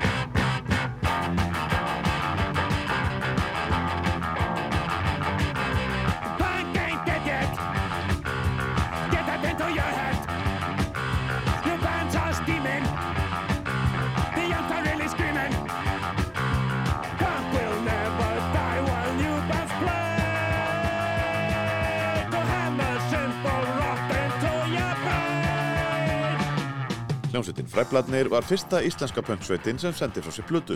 Sveitin var stopnað árið 1978 í mentaskólanum í Kópavogi og var meðal annars undir áhrifum frá Klass, Ramones og Strangless en síðast nefnda sveitin hafði spilað á tónleikum í lögutarsvöllinni um vorið. Nokkru mánuðu síðar ákvaðu Valgarður Guðjónsson söngvari og Stefán Karl Guðjónsson trommuleikari að stopna hljómsveit á samt þremur öðrum skólafélögum sem myndi tróða upp á Myrkramessu, árlegri menningarháttið MK um haustið. Planið var að spila bara þessum einu tónleikum í góðu gríni en sveitin lifði áfram og kom reglulega fram árið 1979 en móttökurnar voru ekki alltaf jákvæðar. Gunnþór Sigursson rifjaði upp þegar freplarnir spiliði pásu á dansleik hljónstæðina Sirkus á skemmtistanum klubnum. Þú voru náttúrulega alveg sko frekar slappi hljóðfærileikar sko en, en svona krafturinn og, og tilfinningin og, og áhugin og energi var alveg brjálæðislega sko. Man alveg það sló alveg þögn á salin og, og allir sagði sko ef þið klappið ekki þá spilið annað lag og liðið alveg bara klappaði alveg út í eitt sko. Menn voru bara hálf brjálæðir yfir að sjá þessa drengi sko. Og svo sagði hann sko nú fyrst í takið okkur svona vel þá spilið við annað lag og þá bilaðist alls saman. Sagði Gunnþór Sigursson í útastáttaröðinni Punk á Íslandi á Rás 1 en hann heitlaðist að bandinu og gerðist hljóðmaður þreflana en er líklega þekktastur fyrir bassaleiki í hljómsdynni Q4U sem var stopnuð árið 1981. Fræblarnir tróðu aðalega upp í framhaldsskólum og félagsmiðstöðum og heldu reglulega tónleika í Kópavogsbíói á samt öðrum sveitum sem voru á svipari bylgjulengt. Mannabreitingar voru örar á fyrsta starfsári hljómsveitarinnar en á fyrstu plötu fræblana spiluðu Ríkardur Fridriksson á gítar, Þorstein Hallgrímsson á bassa, Auk Stefáns sem trómaði og Valgars sem söng á samt Dagníu Sóuka. Það var kannski ekki neikvægt að kunna á hljóðfærið, það var neikvægt að vera mikið af líkaði, hvað þú kunnir. En þetta þarf að kunna nógu mikið til að gera það sem þú ætlar að gera. Þetta bindist nú kannski aðalega gegn þessum löngu gítarsólúum og miklu svona einlegsýningum sem fylgdu tónlistin aðra en pönki kom.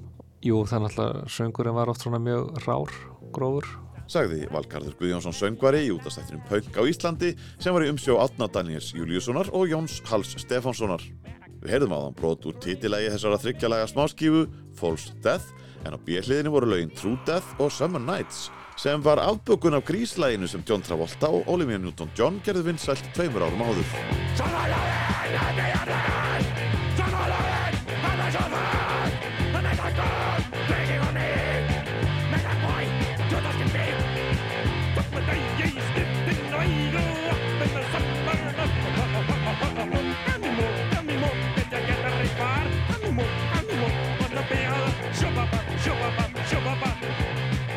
Platan var hljóðrituð tóntækni og gefin út hjá litlu ennsku útgáfufyrirtæki Limited Edition Records þar í landi haustið 1979 en kom ekki hinga til lands fyrir í upphafi ás 1980.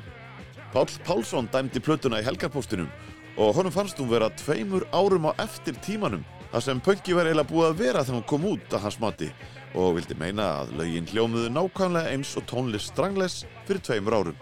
Engu að síðu skrifaði hann að frækblætnir væru efni viður í stórgóða hljómsveit að gefnum ákveðnum forsendum. Við vorum alltaf að berjast nánast, komur að segja, einir og við lítinn fögnuð. Það komu fára hljómleika hjá okkur til að þröngur hópur sem væri kringum þetta. Og það var það eiginlega allan tíma hjá okkur. Hróður fræblana bast út fyrir landsteinana og í viðtali sem byrtist í aftonblaðið í Svíþjóð var fyrirsögnin Hvílig örlög að vera pöngari á Íslandi og þar var meðal annars fullirta sveitin berðist hatramri baráttu gegn diskómenningun á Íslandi.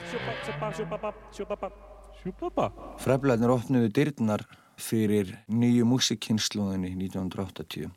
Fræblarnir opnuðu dyrnar og auðvitaðgasminn gengu inn. Ég var alltaf mikill aðdáandi fræblarna. Ég sá í fræblarnum fyrst og fremst spilagleðina. Tilgangurinn hjá þeim var fyrst og fremst að skemta sér. Ekki þetta sínast, þetta var í rauninni bara hópur af félögum sem komu saman og heldu parti upp á sviði og þeir voru frumlegir, þeir voru öðruvísi. Sagði Bubi Mortens um fræblana í útastætti um bestu plötur nýjunda áratugsins á Rástfö á 1989 en plata fræblana, Viltu namni væna, lendi í nýjunda sæti á þeim lista.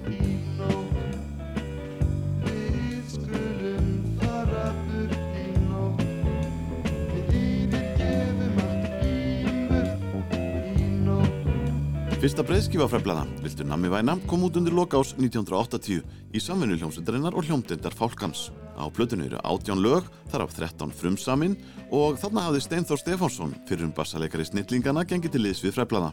Hann sannfærði nýju liðfélaga sína um að endurvinna nokkur á bestu lögum snillingarna sálugu og meðal þeirra var ballaðan undurljúfa í nótt.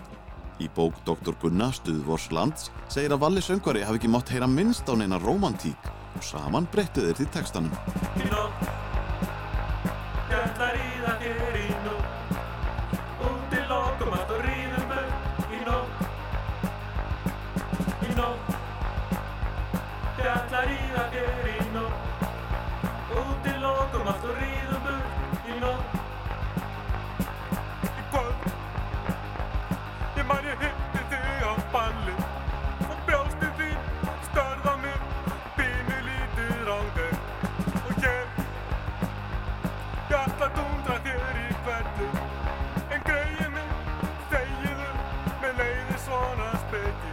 Þetta tók alveg heilt sumar eða heilt ára að búa hana til.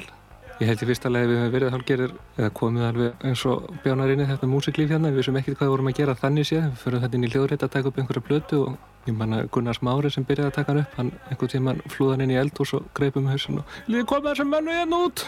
En ég held að við vorum þannig með ónýta græjur, kunnum ekkert alltaf vel að spila, allavega ekki sumir, kunnum alltaf ekkert á þessu upptökutækni.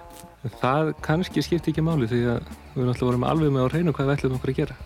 En við vorum bara með það mikið af efni sem okkur fannst svona rosalega gott að bara reynilega yrða að komast á plötu. Og við vorum alveg samfærið um það þegar við gerðum þetta, þetta yrði, yrði sko eina bestu plötum allra tíma.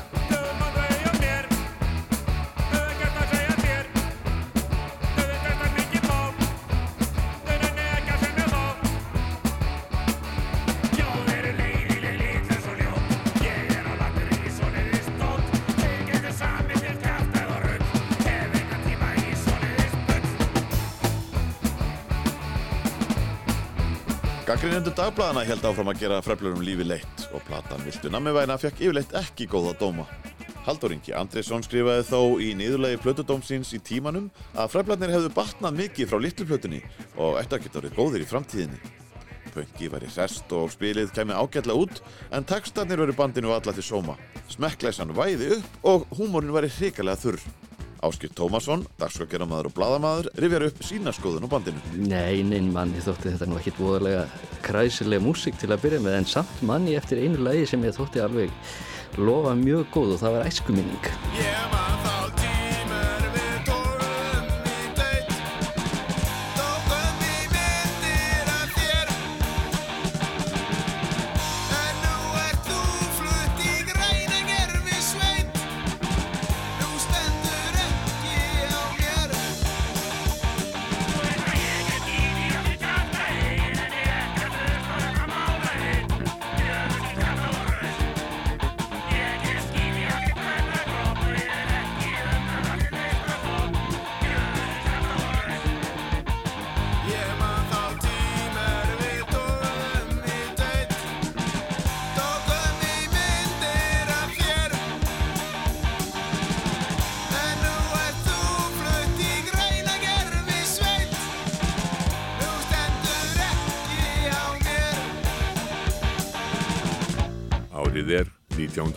1980. En þólinn mæðin þrautum vinnur á Með þólinn mæði flest er hægt að fá Við höfðum heim á morgun Við komum vinna fljótt Já, kvistla yfir hafið góða nótt Áhöfnin á halastjörnunni var kynnt til leiks voru 1980 en hún var samfunnuverkefni Rúnars Júliussonar og Gilva Ægissonar. Auk þeirra skipuðu áhöfnina Marja Helena Haraldsdóttir, Viðar Jónsson, Engilbert Jansen og Ari Jónsson sem söng lægið Ég kvistla yfir hafið. Áhöfnin sendi frá sér plötuna Meira salt á sömadaginn fyrsta og Gilvi Ægisson sagði í viðtali við Morgunbladið að platan hefði verið ár í vinslu en upphaflega ætlaði hann að láta Ingimar Eidal útsetja lögin fyrir Karlakór. Það breyttist þegar Gimsteinn, útgáðu fyrirtæki Rúnars Júliussonar, ákvaði að gefa plötun út og þeir söpnuðu saman flytjendum sem þeir kölliðu áhöfnina á halastjörnunni. Meira salt varð metsöluplata og lista sem Gunnar Salvason tók saman fyrir vísi yfir mest seldu plötur ásins 1980 var áhöfnin á halastjörnunni í öðru sæti og eftir plötunni Glass Houses með Billy Joel en The Wall með Pink Floyd var í þriða sæti. Áhöfnin fekk mikla spilun í þeim fáu útvarstáttum þar sem Ráseitt bauð upp á poptónlist og nokkur af lögum plötunar áttu greiðan aðgang í þættina á frívaktinni og óskaljó sjómanna. Gilvi Ægjesson samti lög og texta og Rúnar Júliusson söng vinsælasta lag plötunar ofursmellin Stolt siglir flegið mitt. Stolt siglir flegið mitt,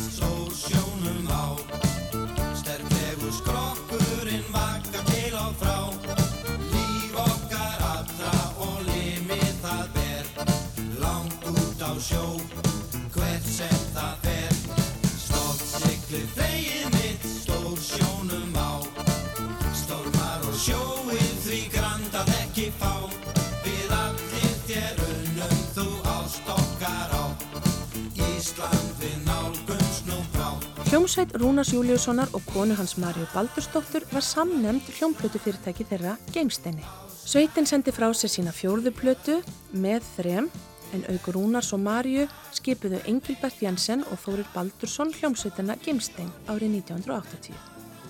Rúnar sagði í viðtali við dagbladið að árið hjá útgáðufyrirtækinu væri það besta síðan hann byrjaði að gefa út hljómplötur árið 1976. Geimsteinn gaf út fjórar plötur þetta árið. Rut Reginalds, áhöfnin á halastjörnunni, hljómsveitina Geimstein og barnaplötu með söngævintýrónum um Rauðettu og Hans og Gretu.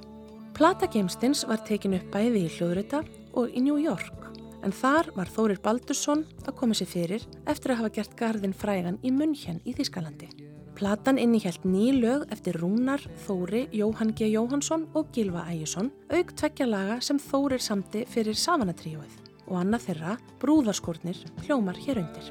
En það lag sem fekk mesta aðtegli var Það skilar sér eftir Þóri Baldursson og það var sýstir hans, Marja Baldursdóttir, sem sá um söngin. Því að ástin hefur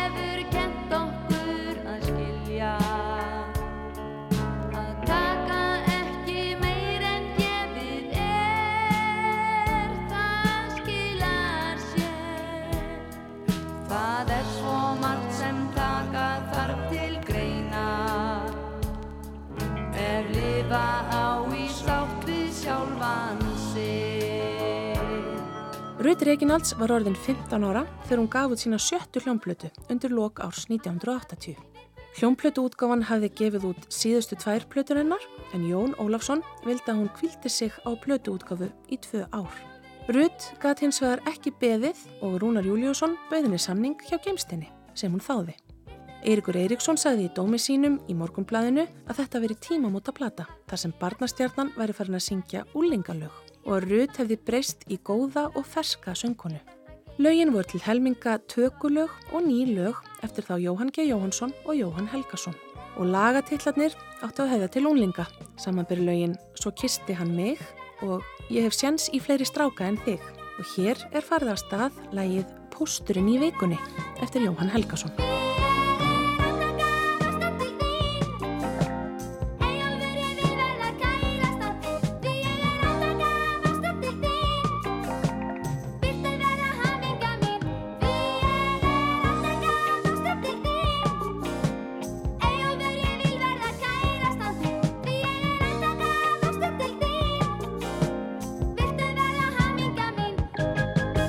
Árið er 1980.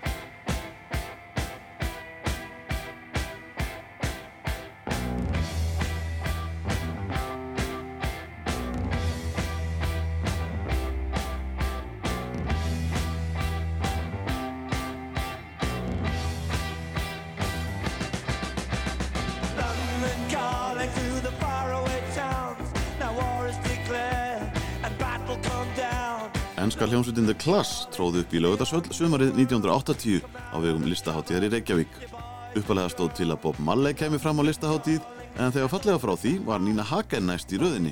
Hún afbókaði sig hins vegar á síðustu stundu og það var ekki fyrir en hálfu mánuði áður en Class spilaði í höllinni að samningar voru undirritaðir. Tónleikarðu Class á Íslandi komu í kjölfarið á þriðju plötu sveitarinnar, London Calling, og vöktu mikla lökku hjá rockþýstum tónleikagestum. Marki vilja meina að með tónleikunum hafi Djó Strömmur og félagar kveikt neista sem hvatti fjölmarga til dáða við tónlistasköpun og átti sinn þátt í rockbylgjunni miklu sem reyði við Ísland á árunum 1980 til 1982. Hljómsveitin Utangarsmenn hitaði upp á tónleikum The Class og á millilaga kallaði Bubbi Mortens til árandaskarans Lengi lifi rockið, niður með diskóið.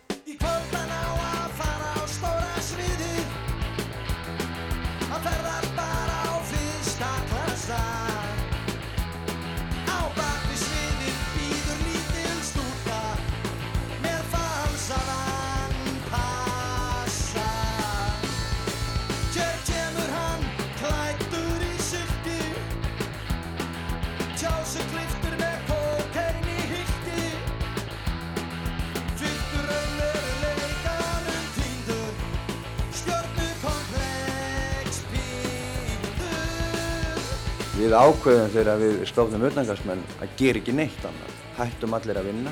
Daniel Pollock bjó í bílskúr og þar æfðu við innan um búslóð og, og konunans. Byrjuðum að æfa svona 10-11 á mótnana og vorum að æfa til 8-9-10 á kvöldin.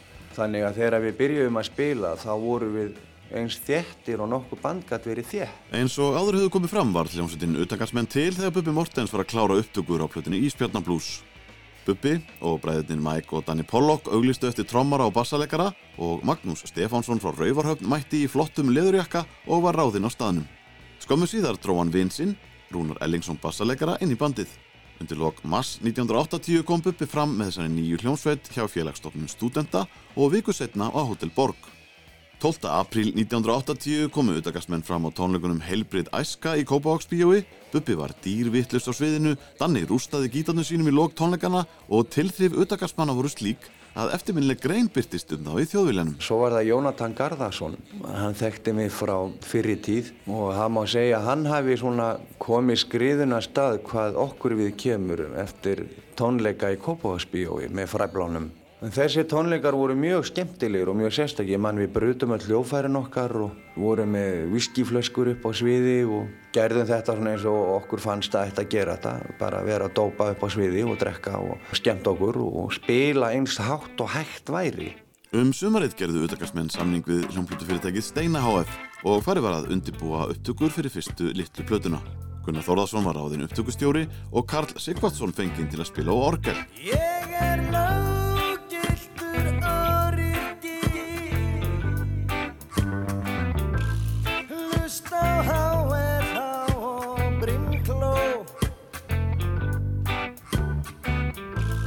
Ég lög Fjórulaga smáskifa auðvitaðsmanna kom út 1. oktober og vakti textilagsins rækjurækki sterk viðbröð hjá mörgum.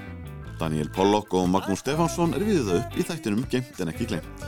Já, fyrst nefnilega kom út þarna ha ha ha rækjurækki lagið sko. Mm. Þegar brimklómen fór að sofa bara á kvöldi dags og voru vinsælur og vöknuðu daginn eftir og allir hlóðaðum. Já, þá segið þið þetta. Ég er löggildur holviti, hlusta á HLH og Brimkló. Já. Við nú ekki ánað með þetta? Nei, nei. Hinn popparnir. No, they got pissed off, man. Hörund mitt slapp við bólu Ég framleiði, ég framleiði samfara hljóð á spólu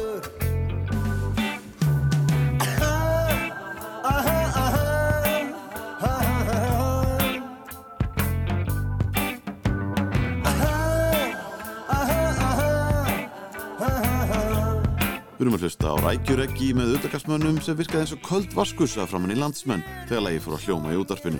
En hvernig stóð á því að hljónstinn fekk nafnið auðvitaðsmenn? Danni og Maggi segja frá. Mikið að maður búin að vera að lesa bókina hann Outsider sko. og þannig að svo þegar hann kom frá London áttur og spyrir hann bara Bibi, hvernig segir það á íslensku?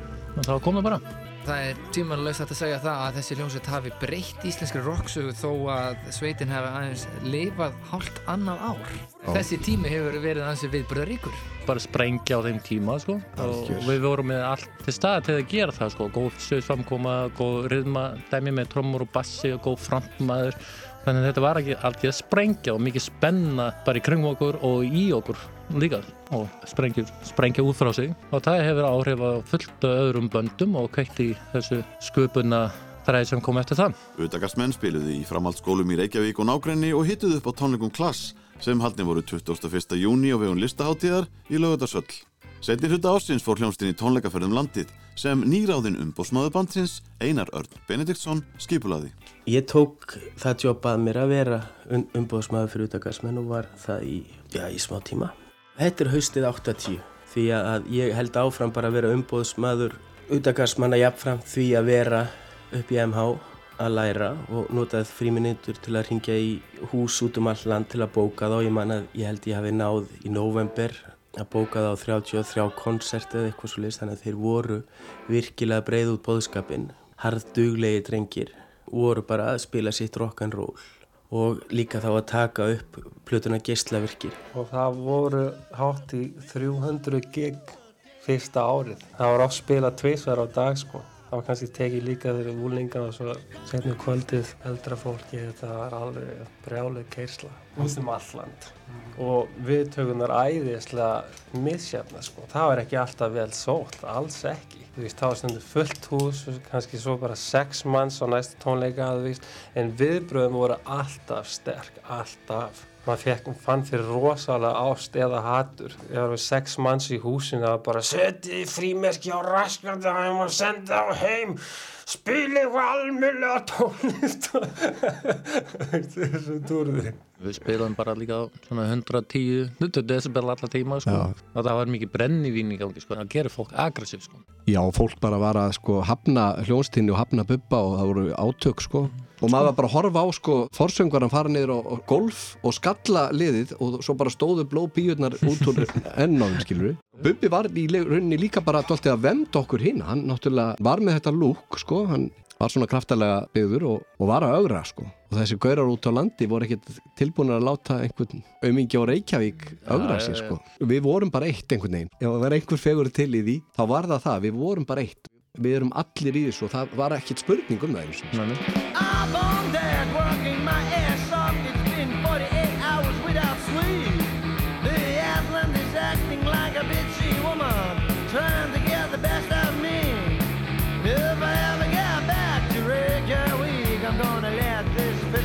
I'm on deck working my ass off. It's been 48 hours without sleep. The Atlant is acting like a bitchy woman, trying to get the best out of me. If I ever get back to Reykjavik, I'm gonna let this fishing be. Færðum okkur svo á Hotel Borg, fórum og töluðum við Sigga hótelstjóra sem var þá og hann sagði já, til reynslu getið þið fengið að spila hérna eitt 50 skvöld og þið fáið ekki borgað.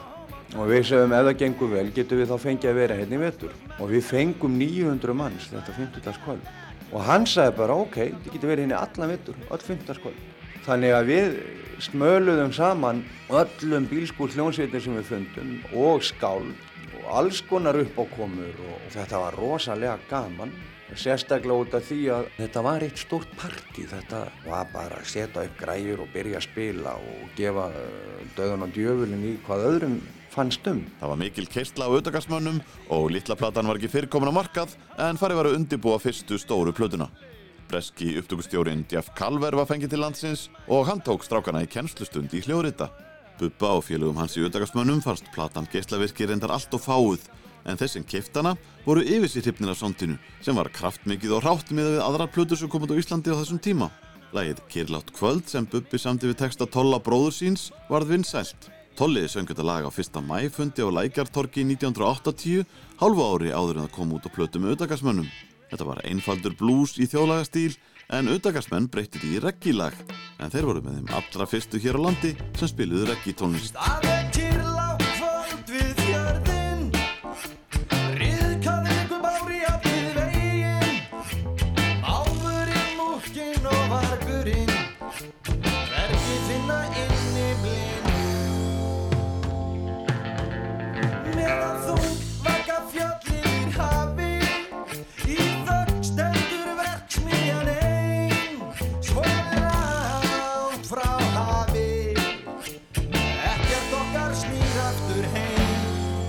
Þessum tíma var mikið fjallað um stríðsátök milli Írans og Íraks og Bubbi samti texta um þessi átök en hann fjallaði líka um ógn atombombunar og kaldastríðið sem var í algleimingi.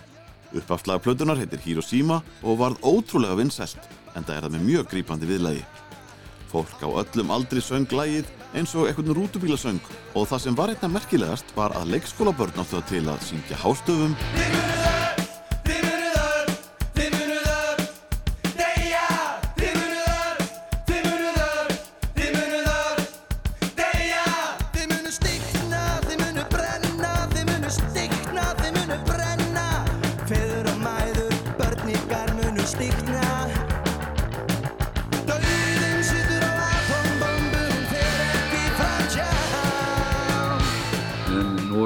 þessari plötu þá eru nokkru textar á einsku.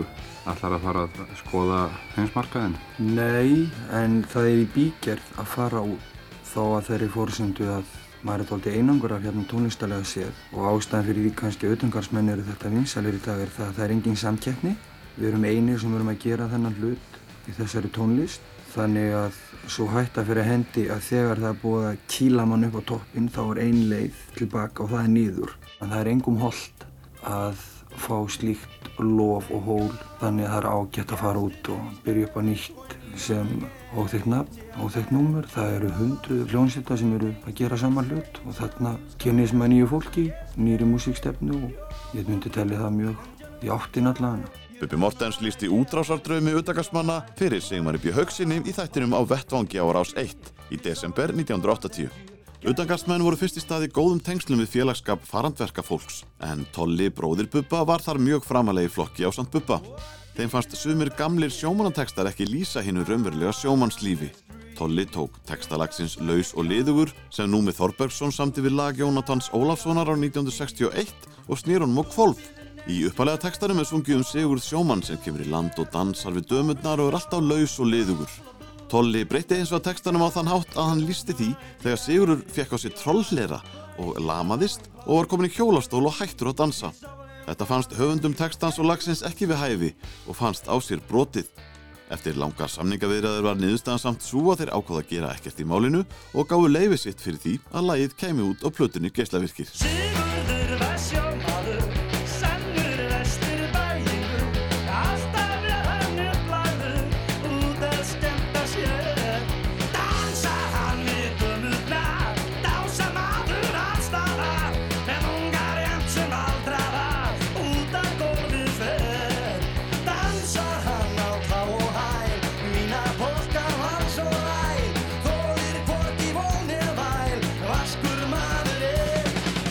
Geislavirkir var valinn plata ársins í vinstandavali dagblassins og vikunar í áspyrjun 1981 og Hiroshima og Sigurður var sjómaður voru í öðru og þriðja sæti á listanum yfir lög ársins 1980. Utagastmenn voru vinsarsta hljómsveitin, Bubbi var kosin vinsarsti söngvarinn og textahöfundur ársins. Bubbi og Utagastmenn mætti ekki á stjórnumessuna þegar velunni voru afhengt því þeir heldur tónleika á Hotel Borg á sama tíma. Haldur Ingi Andresson útnefndi geislavirka plötu ársins í dómi í morgunblæðinu og Gunnlaugur Sigfússon var sammála í áramóta uppgjöri Helgarpóstsins. Þeir koma á fullu út úr tóminu eins og jobbröldalest og skella á hlustum þínum og textar þeirra og lög hrista duglega upp í þér, sagði Magnús Gylfi Þorsteinsson hjá tímanum í upphafi jákvæðrar umsagnar sinnar um plötuna og Gunnar Salvason hjá Vísi sagði að hljóðfæraleikurinn væri kröftugur og markviss, samspilið millir bassa og trommu áberandi gott og gítararnir notaðir að smekkvísi. Var sjómangur, ríkalega langlegur En núna er Siggi lamaður, hjólastólinn í Var það nundi að vera, en burtu vildi tóskjara Engar færa bæturnar, hjólastólinn í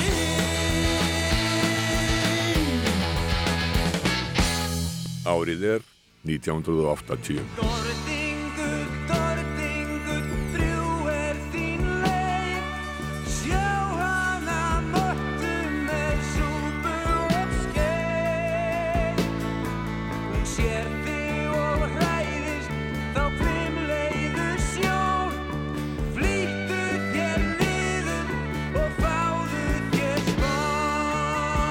Magnús Tór Sigmundsson gerði það gott árið 1979 með plötunni Álvar sem inniheldur meðal annars titillægið vinsæla og þið frábæra Jörðin sem ég gann. Ári síðar sendi hann frá sér plötuna Gatan og Sólin sem innihelt frumsamin lög og textarnir voru eftir Magnús í bland við ljóð Kristjáns frá Djúbalæk. Við heyrðum einmitt brot úr læginu Dordingull við ljóð Kristjáns. Magnús var ekki á góðum stað árið 1980 eins og hann sagði Óla Palla frá í Rokklandi á Rástfu. Þá var ég orðin útflippaður alveg hreint sko. Ég var orðin svo mikið dópisti sko á þessum Nú, tíma nú. og var að fælast bara með hérna álpoka í vasanum og svaf hér og þar bara sko. Ég var orðin mjög illa farin á þeim tíma sko. Það var eiginlega bara spurningum hvort ég hefði mig upp úr þessu sko eða ekki. Hvað varst að nota, nota þá? Ég notaði bara hass. Ég var dagreikingamæður í marga mánuði sko. Ég var skilinn og stefnulegs og, og vitlaus. Ég man alltaf að ég átti svona segulbandstæki og gítar. Það, einu, það voru einu verandlegu eiginda mínar. Í alvöru? Já, já. Ég var alltaf að semja sko. Og lifði bara svona mikið í höfðinu sko. Og náttúrulega, hassið er náttúrulega bara þannig líka. Þetta slítur þið frá sko, svona ver, veraldinni svolítið sko. Ég hafði mig út úr þessu upp úr þessu volaði sko. Hætti að reykja svolítið, svona í róli heitu, minkaði allavega og, og svo tók bara hvaðið af öðru og svo, svona, ég man það það tók mig einhver 6-7 ára að skriða upp úr þessu. Þrátt fyrir erfiðleika í engalífinu var platan einstaklega vel hefnuð og tónlistargagrinandin Haldur Ingi Andrusson vildi meina að Gatan og Sólin væri ein af bestu plötum ársins 1980.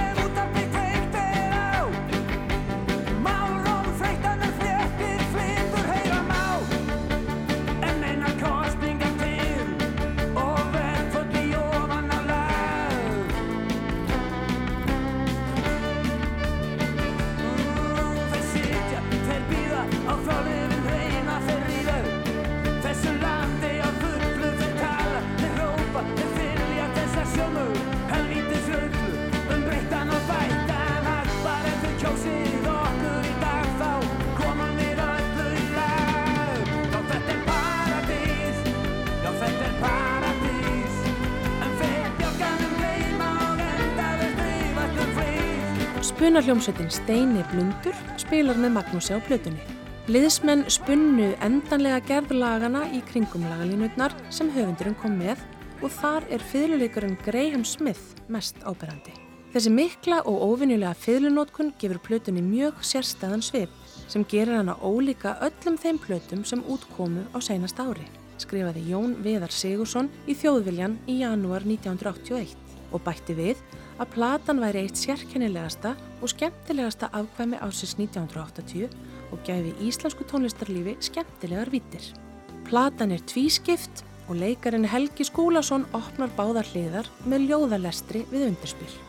Á A-hliðinni er gatan umfjöldunarefnið og þar segir Magnús að hann skipti á milli fantasíu og raunveruleika í samfeldri rock-óperu með ádeilu ífafi.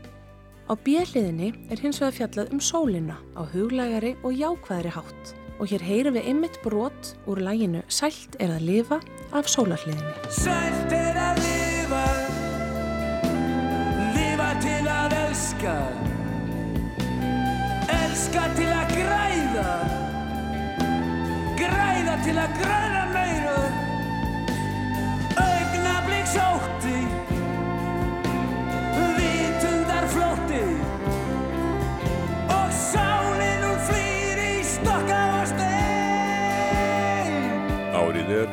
1980. Our life together is so precious. Together we have grown. We have grown. John Lennon var skotinn til bana fyrir utan heimilið sitt í New York klukka rúmlega tíu í kjarkvöldi að staðartíma. Hann var þegar í stað fluttur á sjúkrós en læknar segja að hann hafi látið samstundis af fyrsta skotsári af sjö. Lífgunartilraunir baru engan árangur.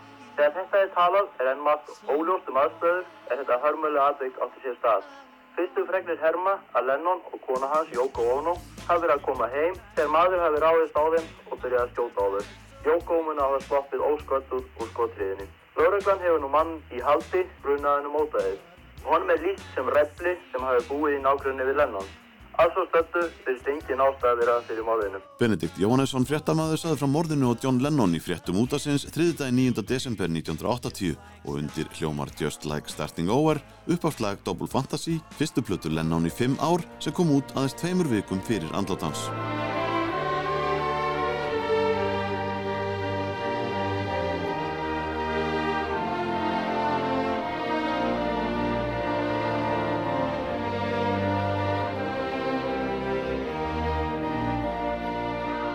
Við upphaf tónleika Sinfoníuljóstar Íslands í Háskólabíói 13. desember var brugðið út af efnisgráni og leik hljómsveitin lagið Yesterday eftir Lennon og McCartney í minningu Johns Lennon. Sigurður Björnsson, framkvæmdastjóri Sinfoníuljóstarinnar, kynnti lagið og þegar hljómsveitin hóf flutningin, risu áhærindur úr sætum og vottuðu hinnum látna virðingu sína. 3. februar 1981 heldu íslenskir popparar tvenna minningatónleika um Lennon í Östubæjabíói Meðal flytjenda þetta kvöld voru Rúnar Júliusson, Gunnar Þórðarsson, Pálmi Gunnarsson, Björgvin Haldursson, Magnús Kjartansson og Jóhann G. Jóhannsson. Við freystingum gæt þín og falli þig ver Því freysting hver unning til sigur stig ber Gakk örugur aglei mót ástríðu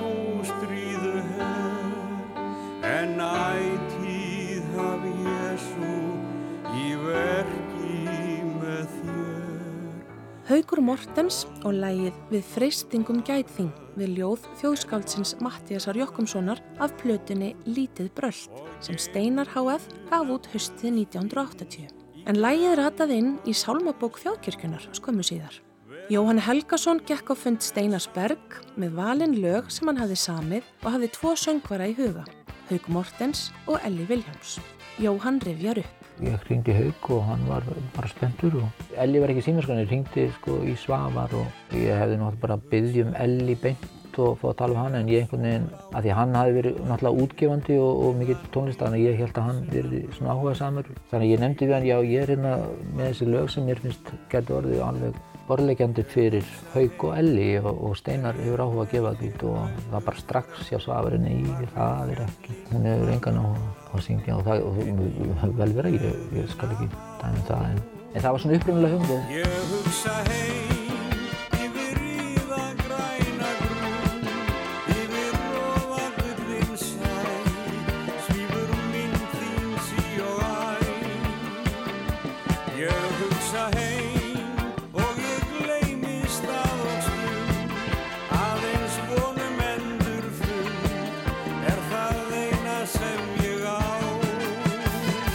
Við erum að hlusta á Haug Mortens og hljómsveitina Mezzoforte sem spilar undir á plötunni Lítið bröld. Það voru liðin 35 ár síðan Haugur söng inn á sína fyrstu hljómplötu og hann hefði sungið hátt í 300 lög inn á plötur þegar þarna var komið við sögu. Haugur sagði í viðtal við Vísi að það hefði verið skemmtilegt að vinna plötuna með þessum ágætu ungu mönnum í Mezzoforte. Hljómsveitin hefði spilað undir hjá Haugi á útsinnisbarnum Skálafelli á Hotel Esju. Eithor Gunnarsson, hljómbórsleikari Mezzoforte, rifjar upp. Ástæðan fyrir þessu er það að við horfum svo mikið til okkar ædóli í hljóðfæraleik voru svona mikið þessir sessjónspilarar og svona eitthvað og við vorum svona svolítið með fókusin á því að verða svona alliða hljóðfæraleikar eitthvað svona eins og steinar við urðum svona hyrð hljómsveit hjá hans útgáfa á tímabili sko. og þetta er alveg alfæri steinar hugmynd sko, að setja okkur saman við haug sko. og ég veit ekki hvað það vakti fyrir honum eitthvað að reyna að gera haug einhvern veginn korrent í þessu undarlega umhverju sem að vara ríkjandi á þessum tíma sko. Vorið komum vegu bjarta, vakti mínu dabra hjarta, von sem húm og hríðar byljur höfðu lagt í bann. Köld mín higgja var með vetri, vorið gerði úr mér betri mann. Og þá er árið 1980 senn á enda. Nafn mitt er Sigriður Tollasíus. Umsjónumenn þáttarins eru Ásker Eithórsson og Gunnlaugur Jónsson. Í næsta þætti skoðum við íslenska tónlistarárið 1981 en við endum á Tífóli.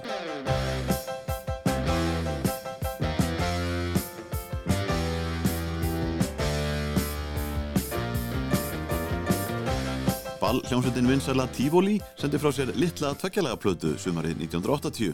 Bæði lögin er eftir saxofónleikara sveitarinnar Stefán S. Stefánsson fyrir um forsprakka ljósana í bænum en aðri listmenn Tífóli voru söngvararnir Átni og Sigurður Sigursinnir, Gunnar Rapsson á bassa, Björn Gunnarsson á gítar, Hjörtur Hásir á hljómborð og Ólafur Helgason sló trommutaktin. Aðalagi var rockarinn Danserína sem vakti litla aðtigli en björliðalagi Fallin var sangkallaður einsmellungur því það naut mikill að vinsælda á útgáfu árinu og hefur haldið þeim nokkurn veginn óslitið til dagsins í dag. Tekstinn segir hrakvallasögu námsmann sem er fallin með 4,9 eitt skelvilega skiptið enn og tvísvar á ári, þegar prófatíminn stendur yfir í menta og háskólum landsins er lagið dreigð fram til að minna námsmenn þjóðarinnar á að standa sér nú við próflesturinn svo ekki fari fyrir þeim eins og söguhetju lagsins vinsæla.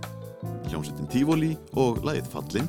Takk fyrir að hlusta. Fallin með fjóra koma níu Eitt skelfilega skiptið enn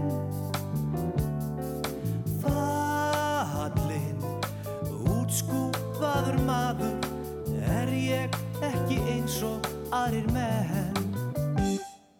Ég er að horfa út um gluggan minn alla þá sem fengu fimm og ég les og ég les í sól og sumaril því ég verð að ná í næsta sinn. Pabbi bannsjóðandi vitlaus hann vill að ég verði númer eitt. Mamma sagði að væri ekki að marka. Ég gæti hvort eð er ekki neitt. Ég er að horfa út um gluggan minn Á alla þá sem fengu fimm. Og ég veit, og ég veit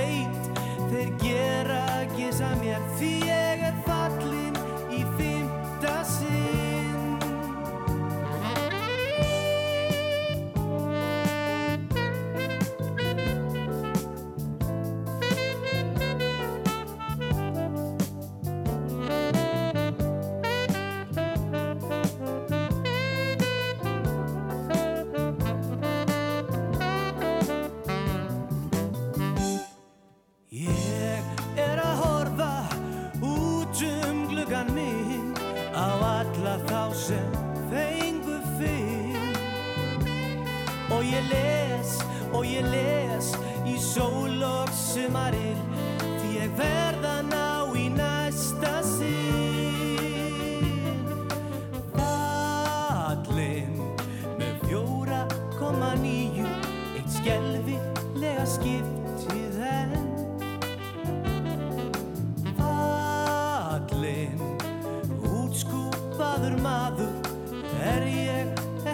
eins og aðrir menn